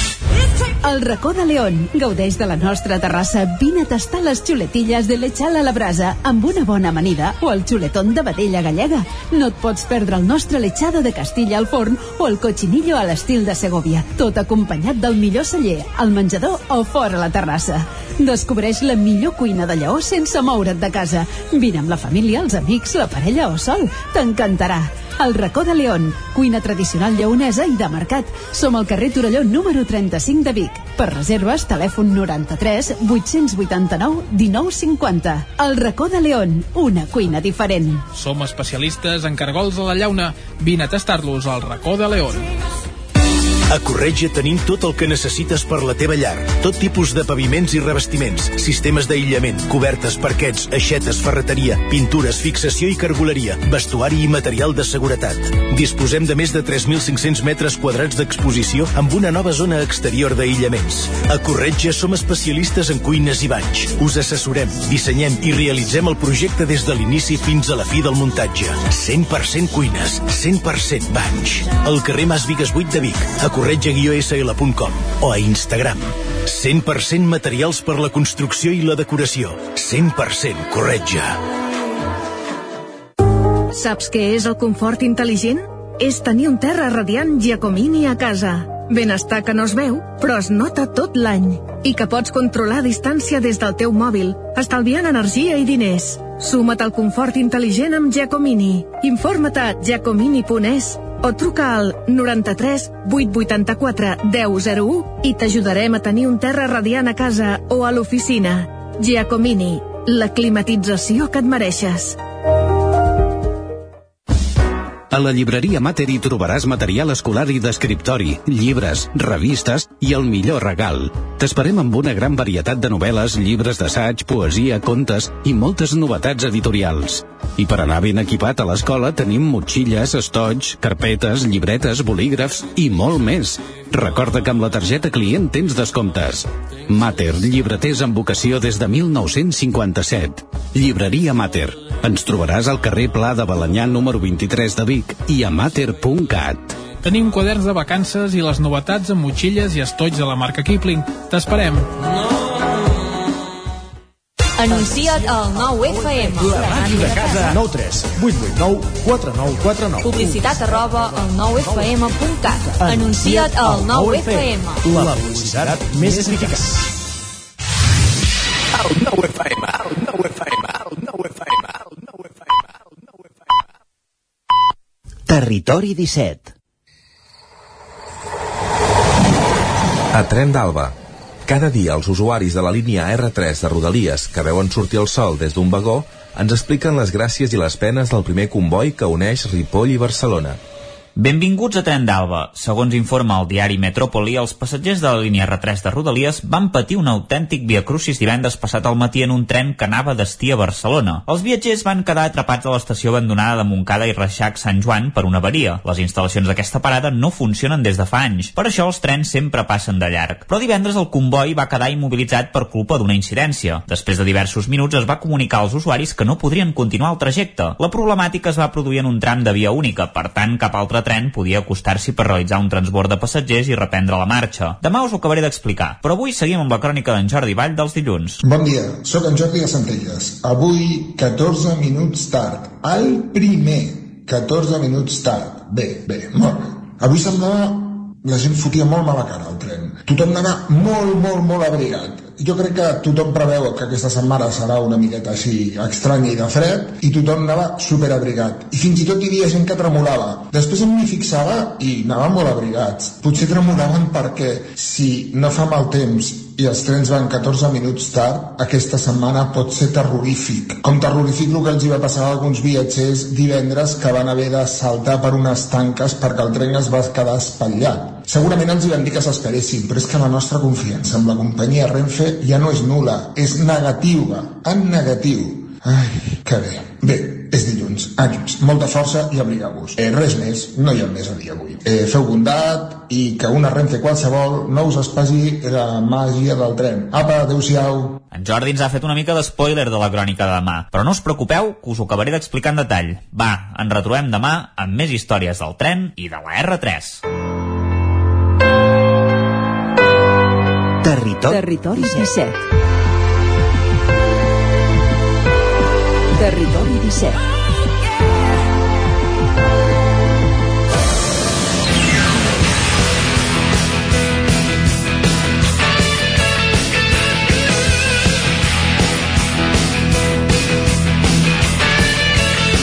Dos minuts i mig que passen de dos quarts a dotze, moment de tancar el territori 17 amb la tertúlia esportiva com cada dilluns, un cap de setmana que venim d'un derbi entre el Barça i l'Espanyol que es mesuraven les forces, dos equips que esportivament semblava que aquest any estaven, o, o semblava no, o que estan, si fa no fa, eh, en la mateixa situació, si, no, si més no, si és així, si mirem la, la taula classificatòria, i un derbi que es va decantar de la banda blaugrana 1 a 0. Guillem Freixa, Lluís de Planell, Isaac Montades, bon dia a tots tres. Bon dia. Bon, bon dia. Uh, què? El, titu el titular de Lluís de Planell me l'imagino. No, no, no, no hace falta decir nada más. Tant va ser així, Freixa? Mm. Aviam, eh, quan la, la, la premsa eh, del Barça posa penal polèmic, en aquest cas polèmic és sinònim de eh, robatori a mà armada. Que passa, Correcte. És massa No. llarg, massa llarg, i posen polèmic. Sí. No, polèmic pel que va generar després, perquè eh, en el postpartit hi van haver un munt de declaracions, o pràcticament totes les declaracions van incloure valoracions del penal, per això el van considerar polèmic. Però jo crec que eh, és penal, Lluís. Ja, ja. O sigui, si tu vas a terra, a dintre l'àrea, tal i com vas anar, com va anar Cabrera, mm, clar, Tu, tu imagina que perds un partit contra el Madrid per un penal com aquest. Aviam bueno. com, com estaries de content ara. me l'hauria de mirar bé, no, Ah, me l'hauria no, no, de mirar bé. I no te l'has mirat bé? Sí, per això, i per, Ah, això, per això et faig aquesta reflexió, perquè hi ha eh, algunes imatges que et poden generar mm, dubtes, però n'hi ha d'altres que veus que se li importa el turmell per, per endavant. Hi ha una que es veu des de darrere... Però la, on- pilo, la pilota és Hospitalet de Llobregat ja quan li toca el Sí, bueno, turmell. esclar, jo aquesta excusa de, de no, és Eh. que toca pilota, sí, esclar, toca pilota i el que, el que l'acompanya... I el que troba per davant, no? Sí. Exacte. Ah, però, però és normal això, no? Bueno, però esclar, si es llença a terra tal i com es llença, eh, jo crec que qualsevol defensa i qualsevol aficionat al futbol sap que quan un defensa va a terra amb la potència que va anar Cabrera a, a l'interior de l'àrea, és molt possible que I l'àrbitre és que és un aficionat al futbol o què és? O No. un senyor que ha, de- ha de saber arbitrar és- i ha de sí, veure sí. que no és penal allò. és qui ha d'impartir justícia i a dia d'avui justícia, sí. i a dia d'avui hi ha moltes eines per impartir justícia i, i jo suposo que aquest penal se'l devien mirar al bar també I ell no se'l pot anar a mirar al bar quan... Bueno, eh, entenc que li van dir que no calia, que Ah. veien que el contacte eh, era suficient com per xiular penal. Si, si un dia us, us hi, que no us hi trobareu pas, bueno, perquè passa, passa sí, això. sí que ens hi trobarem, sí. Eh, de moment, la, la Lliga Espanyola té 20 equips. Mhm. L'únic eh, dels 20 que no li han xiulat un penal en contra és el Barça. Bueno, però, eh, no, és, és que no, això- estadística, eh? això no, està tot- estadística, eh? Vull dir que... Ara no, no, eh, no hauria, ara no tinc totes... No, L'estadística, no, tampoc. Confio amb la teva, amb la teva, No, la amb la no, veracitat de la teva informació, però... Eh, això surt a les xarxes, vull dir que no, no he pas inventat. Mm, però això el Barça quina culpa en té si no li han No, no, no, no, esclar, cap, cap, cap. Vull dir, eh, És que ho això fa, no treu... fa, ho, sa- ho fa bé, eh? Sí, això no treu que el, el, Ho fa, fa l'acció d'aquest dissabte fos, fos penal vull dir, és que no... llavors si vols podem discutir de com va anar el partit de, No, de, altra de si l'Espanyol va mereixer més de si l'Espanyol va mereixer menys de si el Barça va mereixer més o va mereixer menys Això estàs dient que l'Espanyol va mereixer més? sí, sí Vale. jo estic eh, dient que la lectura dels culers és que eh, s'ha de ser, reinterpretar sempre el que diuen. No, reinterpretar no, però vull dir, aviam, el Barça va fer una bona primera meitat. Uh, sí, el Barça va marcar d'un penal eh, era penal i es podia xiular penal. També, el Barça va acabar demanant l'hora i, i patint més del compte. També. Això, Mm, això, això sí que ho va veure tothom. Vull dir, esclar, a la, tampoc el que no farem és negar l'evidència aquí davant de, dels micròfons i, i de l'audiència. Vull dir, això és, una, és que era, era evident que l'Espanyol en el tram final va pujar a, a l'esquena del, del Barça i va tenir tres oportunitats claríssimes per, per empatar i això el Barça doncs, ha de fer autocrítica i ha de, ha de millorar aquests trams finals o aquestes segones meitats. Tres de- oportunitats claríssimes vol vol dir guanyar, eh? Si Sí, sí. Però el, el Barça també les va tenir a la primera part i tampoc els va aprofitar. Sí, Home, quantes, quantes en van tenir? Una d'aquell neno que, que la va enviar a la Vall d'Hebron i Sí, sí, poca però- cosa més, eh? Sí, no, no segurament la- no van ser tan clares, però bueno, clar, el futbol també és allò, no? un, un joc d'encerts i errors i, i al final acaba imposant-se qui té més encerts que, que El errors. Barça no té gol. Això, No, no, no té gol. Eh? O sigui, si no és per l'ajut arbitral, el Barça dissabte bueno, no marca. No, l'ajut arbitral o no, si no és per un penal, el Barça... Del Cerro Grande és un senyor que eh, ens ha arbitrat molts partits i eh, no ens ha, eh, diguem, beneficiat mai i ens ha perjudicat gairebé sempre. El primer partit eh, d'aquest senyor, el recordo perfectament, al camp del València, 2 a 2, i amb això, per mantenir la línia del 2 a 2, expulsa a la mateixa acció dos jugadors de l'Espanyol. I llavors el partit s'acaba 4 a 2 a València. Això. I esclar, ja comencem per aquí. I llavors l'última que ha fet doncs dissabte. Espero que el, el proper partit que ens arbitri sí. doncs regali un altre penal a l'equip contrari. Ah, no, no serà del Madrid eh, per cert. Perquè aquest, aquest àrbitre és madrileny. És el col·legi de, de Madrid. No, jo la lectura del, del derbi que ara hem entrat a, al màxim amb, amb el penal, però hem de recordar que era el debut de, de Xavi Hernández a, a la banqueta del, del Barça, que agafava l'equip després d'una aturada de, de seleccions. Mm, hi han coses positives. Ara bé, això tot just comença a caminar i repeteixo, eh, jo que vaig veure a la segona part del Barça doncs eh, em va inquietar una mica no? aquesta baixada de, de, de tensió aquesta... l'Espanyol que amb tots els respectes eh, és un equip de mitja taula a la Lliga Espanyola doncs va aconseguir avui. endarrerir sí, sí, com el Barça dia d'avui eh? però va aconseguir endarrerir a, a, a tot, a, a tot a, al Barça i tenint en compte que ara et vindran per exemple demà mateix un, un Benfica que sobre el paper potser tindria una mica més de potencial que el Barça doncs ostres, eh, preocupa eh, que, que el Celta també eh, et remunti un, un, un 3 a 0. partit sí, un 3 a 0 en la segona meitat que quan es fan canvis eh, el, el rendiment de l'equip baixa, que hi han lesionats doncs totes aquestes peces que s'han d'anar posant a, a lloc jo sí que faria um, autocrítica blaugrana uh, i agafaria unes paraules que vaig sentir en, en Ramon Besa, que a vegades va bé escoltar-lo en, en temes de futbol, i deia que, esclar, que, que no es poden, no, no ens podem basar en les intencions, perquè les intencions en el futbol uh, poca cosa, poca cosa hi tenen, hi tenen a dir. Que ens hem de basar en els fets, i els fets diuen això que, que has comentat tu ara, que el Barça eh, no té gol, que jugadors desequilibrants eh, ben pocs i que, que s'ha de treballar molt el, el conjunt, el, el bloc perquè comencin a donar certs, certs resultats i que això serà una cosa eh, de, de llarg recorregut. Llarg recorregut, mm, no sé unes quantes jornades per veure si Xavi ha donat la volta a l'equip o, o no. I també que se't vagi buidant la infermeria.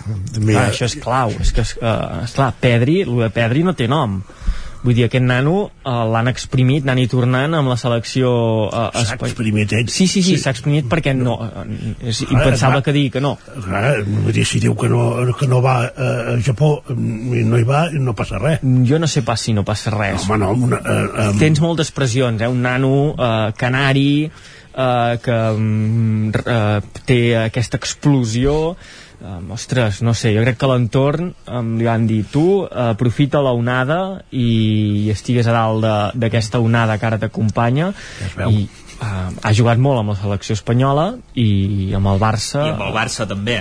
Sí, home, va fer Perquè tot clar, la també va jugar molts partits amb el Barça, eh? Sí, la temporada passada, però aquesta temporada que havia de ser la de, no, la de aquesta no. consolidació i on la cosa ja no era una sorpresa, no l'hem vist. Vull dir, no l'hem no l'hem vist i hem tingut encara sort que han anat apareixent aquests altres eh, perfils com, com Gavi, com Nico, que més o menys han pogut ocupar una mica el, el seu lloc però eh, això, i Dembélé, que torni Dembélé, el Kun Agüero ja no, ja no s'hi pot comptar perquè eh, s'haurà de, de retirar bueno, que es vagi buidant tota aquesta infermeria i, i que vagin havent els resultats. El problema és que la- l'actualitat et marca molt eh, el que passarà amb el Barça, no? perquè demà ja es juguen gran part de, de les aspiracions de la, de la temporada. Bueno, com sempre només hem sentit els culers, els madrilenys no, encara no els hem sentit. És que el Madrid... Però de totes Té una altra maneres... dimensió, el Madrid. Sí, sí. De totes maneres, el Barça, quan s'acaba amb Busquets, s'acaba el Barça, com es va quedar comprovat de, dissabte.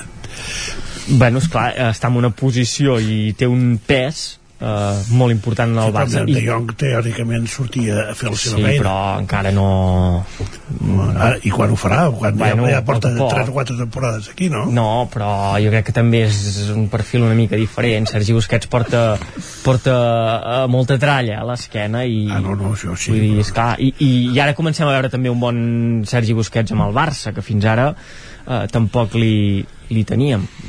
Ara també us vam donar peixet a la, mig, a la primera part eh, el plantejament de l'Espanyol no va agradar gens en absolut això de, de, de sortir eh, eh, espantats perquè hi havia un entrenador nou al, en, eh, al Barça que, que no saps com reaccionarà els primers 20 minuts ho entenc però llavors doncs eh, t'has de posar a jugar a futbol i has de fer el, que, el mateix que vas fer a la segona part sí. i l'equip reacciona després de, de, de, de la injustícia del penal però eh, jo diria que abans a la primera part van perdre eh, diguem moltes opcions de complicar la vida amb un Barça que ja es va veure amb la rematada d'en Dimatà que en, els dos centrals en, en, bueno, ja s'ha acabat la temporada però eren tots dos a buscar bolets.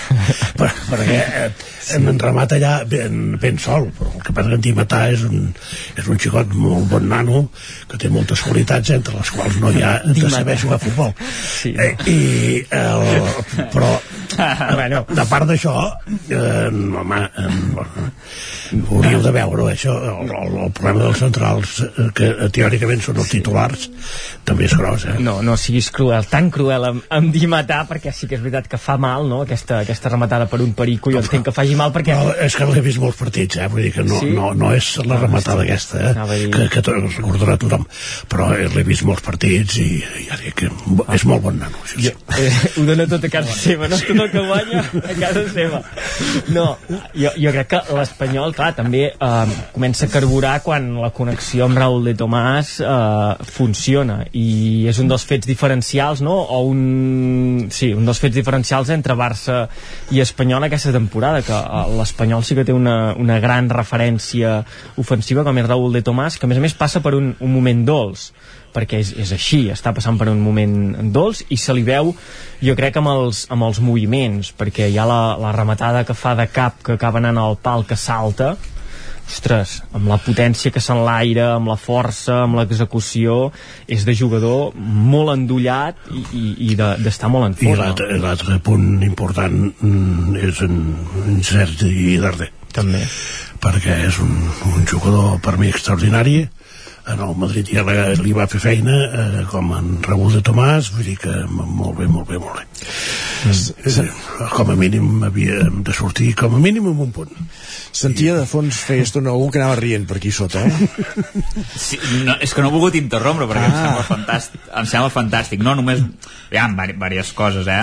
Uh, ahir en Guillem ja, ja em va enviar a la tarda unes imatges del, del penal famós per veure per, per intentar-me convèncer que era penal jo me'l vaig mirar diverses vegades i, i cada cop veig més, més clar que no és penal per, per, per pràcticament- mirar t'has de destapar els ulls, eh, Isaac? Sí.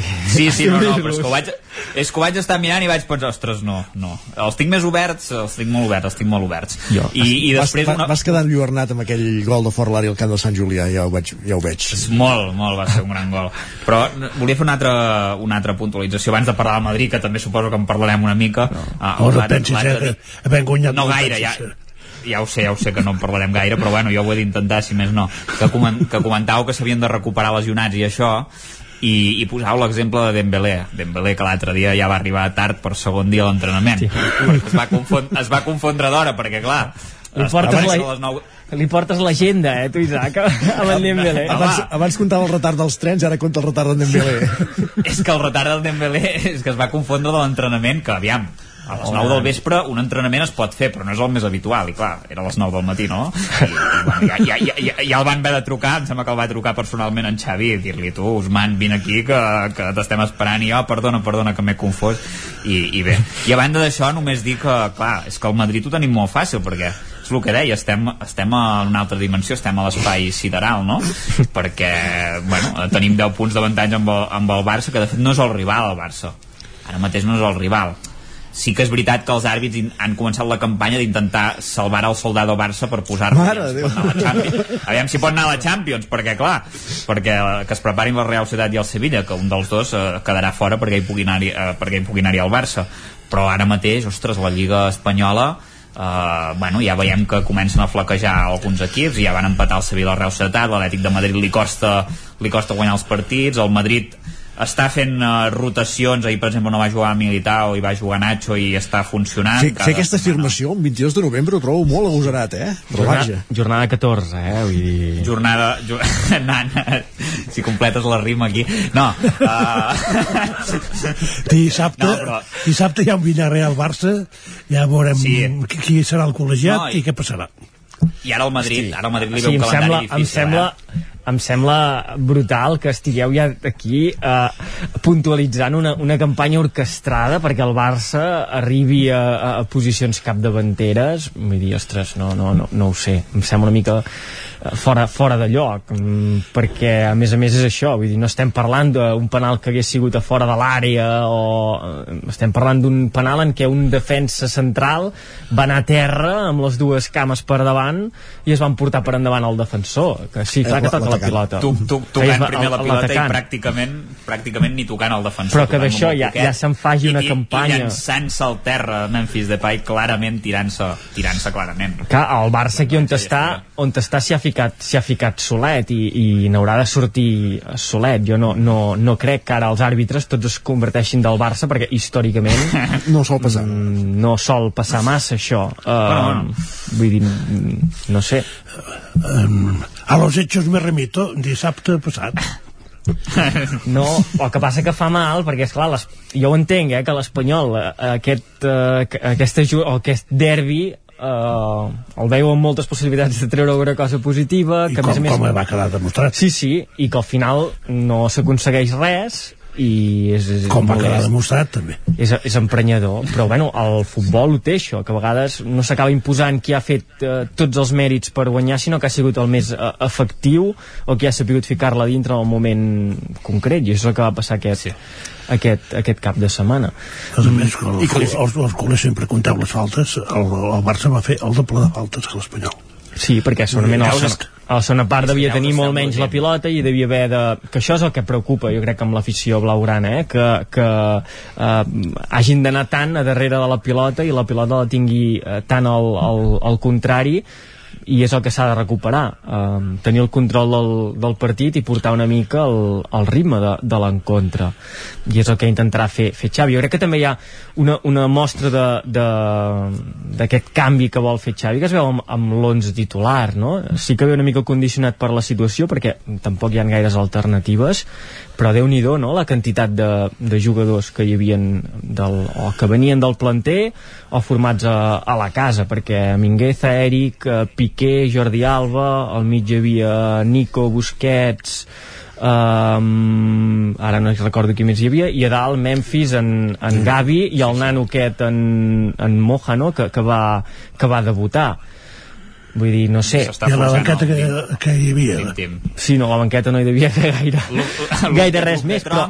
O sigui que va fer l'únic equip que podia No, fer. però jo crec que això hi haurà continuïtat i que, que veurem aquests nanos eh, al, al primer equip i que no li tremola... Sí, Per força, perquè quan pugui fitxar el Barça ja en parlarem on, No. on aniran aquests nanos. jo crec que, que no, que, que en, en Xavi creurà i que si hi ha nanos amb, amb qualitat um, els hi els hi posarà, perquè uh, no hi ha calés i s'ha de, de fer això. A la banqueta, eh, per exemple, hi havia Coutinho. Coutinho no va jugar, el podia haver posat de, de titular, no? Tenint en compte que és el fitxatge... Com ho dius allò, Isaac, sempre? És el fitxatge més Fitxatge car. més car de la història del Barça Mm, I no el va posar. Mm. I Hi no va havia- jugar amb tot el partit, a més, eh? Sí, sí, sí, Coutinho sí, sí que va sortir. No, però, Sí, bueno, va jugar uns minuts, no? Però, però quan va sortir tampoc va Ah, no, jugar. no, va va jugar, jugar. això... Que també, també estava, al, estava al camp és, és allò que posen a, saps, a, la, a les cròniques que van definint cada jugador jo me'n recordo una vegada en, en, en el cas d'un partit de, de Rakitic que va fer molt mal partit que la crònica posava estuvo en el campo pues, uh, Cou- Coutinho bueno. més o menys això va estar al camp, estava, estava allà Sí. bueno, I és un altre dels reptes, són els reptes que haurà d'anar entomant, entomant Sí, sí, Xavi. té, eh? Activar aquests... Ara, ara us en foteu. Tu, però espera't, una, una, co una, co una Sí, sí, cosa, sí. perdona, eh, Lluís, és que li volia dir comentar una cosa amb en Guillem, eh, que ara, que ara m'ha vingut. Remo per totes nou- bandes. No, el nou fitxatge del Barça, que s'ha sentit a, a parlar, no sé, bueno, que s'està parlant de que pot venir, uh, embonejat, aquest davanter de l'alçat, què n'opines, què et sembla? Com, com Hosti, el valores, no, aquest no. fitxatge? No, no. És, és millor que l'Uc de Tronc? Jo no tinc jo tinc, jo tinc de bones fonts Sterling, no? Diuen que, que podria caure. Sí, sí, no, i- O va fer un gol l'altre Però no era Dani? Olmo. Bueno, Dani Olmo també, però són els També, aquests... també. I Haaland, Haaland també és No, i, i Dani Alves, Dani, uh, Dani Dani Alves. Olmo i Sterling és el que s'estava uh, comandant. Llavors sortiran molts noms, moltes operacions de màrqueting, perquè ja si dius que és un jugador de l'alçat, uh, deu, ser, deu entrar en el contracte de, que es va firmar per fer venir Xavi de, de portar un jugador d'allà per donar-hi visibilitat. No sé, eh, no, no, no, no, tinc sé, aquesta llegit- informació He i no llegit tinc... la premsa, jo. Sí, a la premsa... Uh, a la- a l'as.com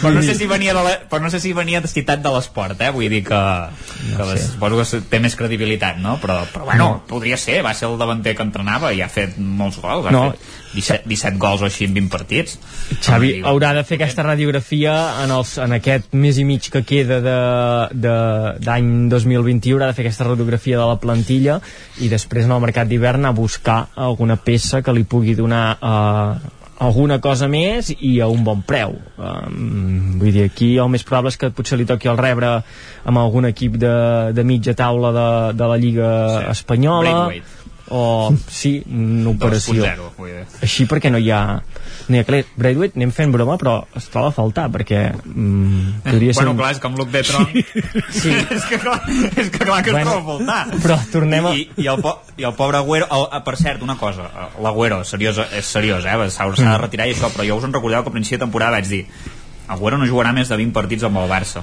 no, no, no. i, i, no, i no pensava que seria per una cosa tan, tan forta com aquesta realment jo pensava que seria més per la, perquè encadenaria lesions musculars i tuits sí.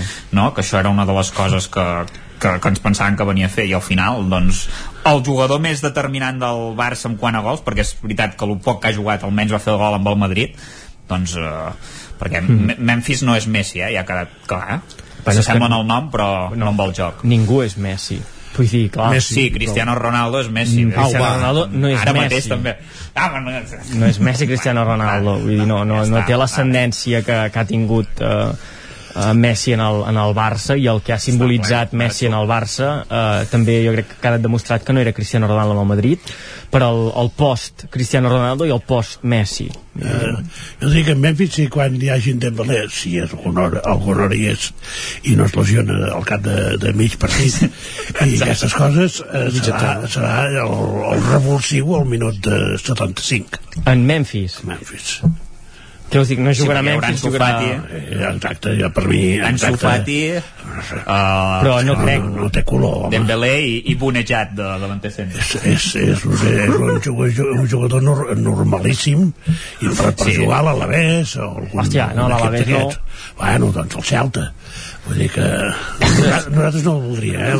no, no ens el endossis No, per què? perquè, Ah, ah, perquè ara aneu servits, no fotem. no, no, no fotem no, No. no. Eh, és, és, és, és un jugador mitjanet que Sí, eh, no. va arribar amb unes expectatives que no ha complert en absolut Home, no ha complert en absolut. Oh, eh? Està eh. marcant um, Quants bastants... quants gols porta de penal?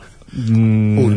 Aviam, ara l'estadística... no, no, un no, perquè... tres, eh, ja. Sí, i tant. i em va fallar un altre Però Memphis està, eh, jo crec que està assumint una responsabilitat important en el Barça Sí, en un moment molt no- complicat. Uh, no, és però- gens, no és gens fàcil fer el que està fent Memphis uh, Depay, tenint en compte tot el que té en el seu entorn, tenint en compte a qui ha de substituir. És clar, és que uh, no tindrem un jugador que fa 35 gols per temporada com hem tingut els Però és que, últims és que no el comparo amb ningú jo, Bueno. jo el veig el que fa i l'únic que va fer dissabte per exemple és llançar-se a la piscina quan No, va veure en llançar-se a la camarera piscina, no. és que no, Doncs no va anar prou, més va anar prou bé, doncs. Sí, ho va fer no, prou bé. no, no, Soraya. clar, ja, ja, d'acord, no. enganyar l'àrbit. Memphis molt bé. trepitja molta àrea i fa, jo crec que fa anar de corcoll els, els defenses. L'altra cosa és que llavors, eh, a l'hora de definir, doncs, eh, potser li falti definir una mica més, però Memphis mm, Depay, déu nhi el rendiment ofensiu que li està donant al Barça tenint en compte la situació en què està, en què està el, el Barça. I caldrà veure això quan hi hagin totes les peces eh, de l'equip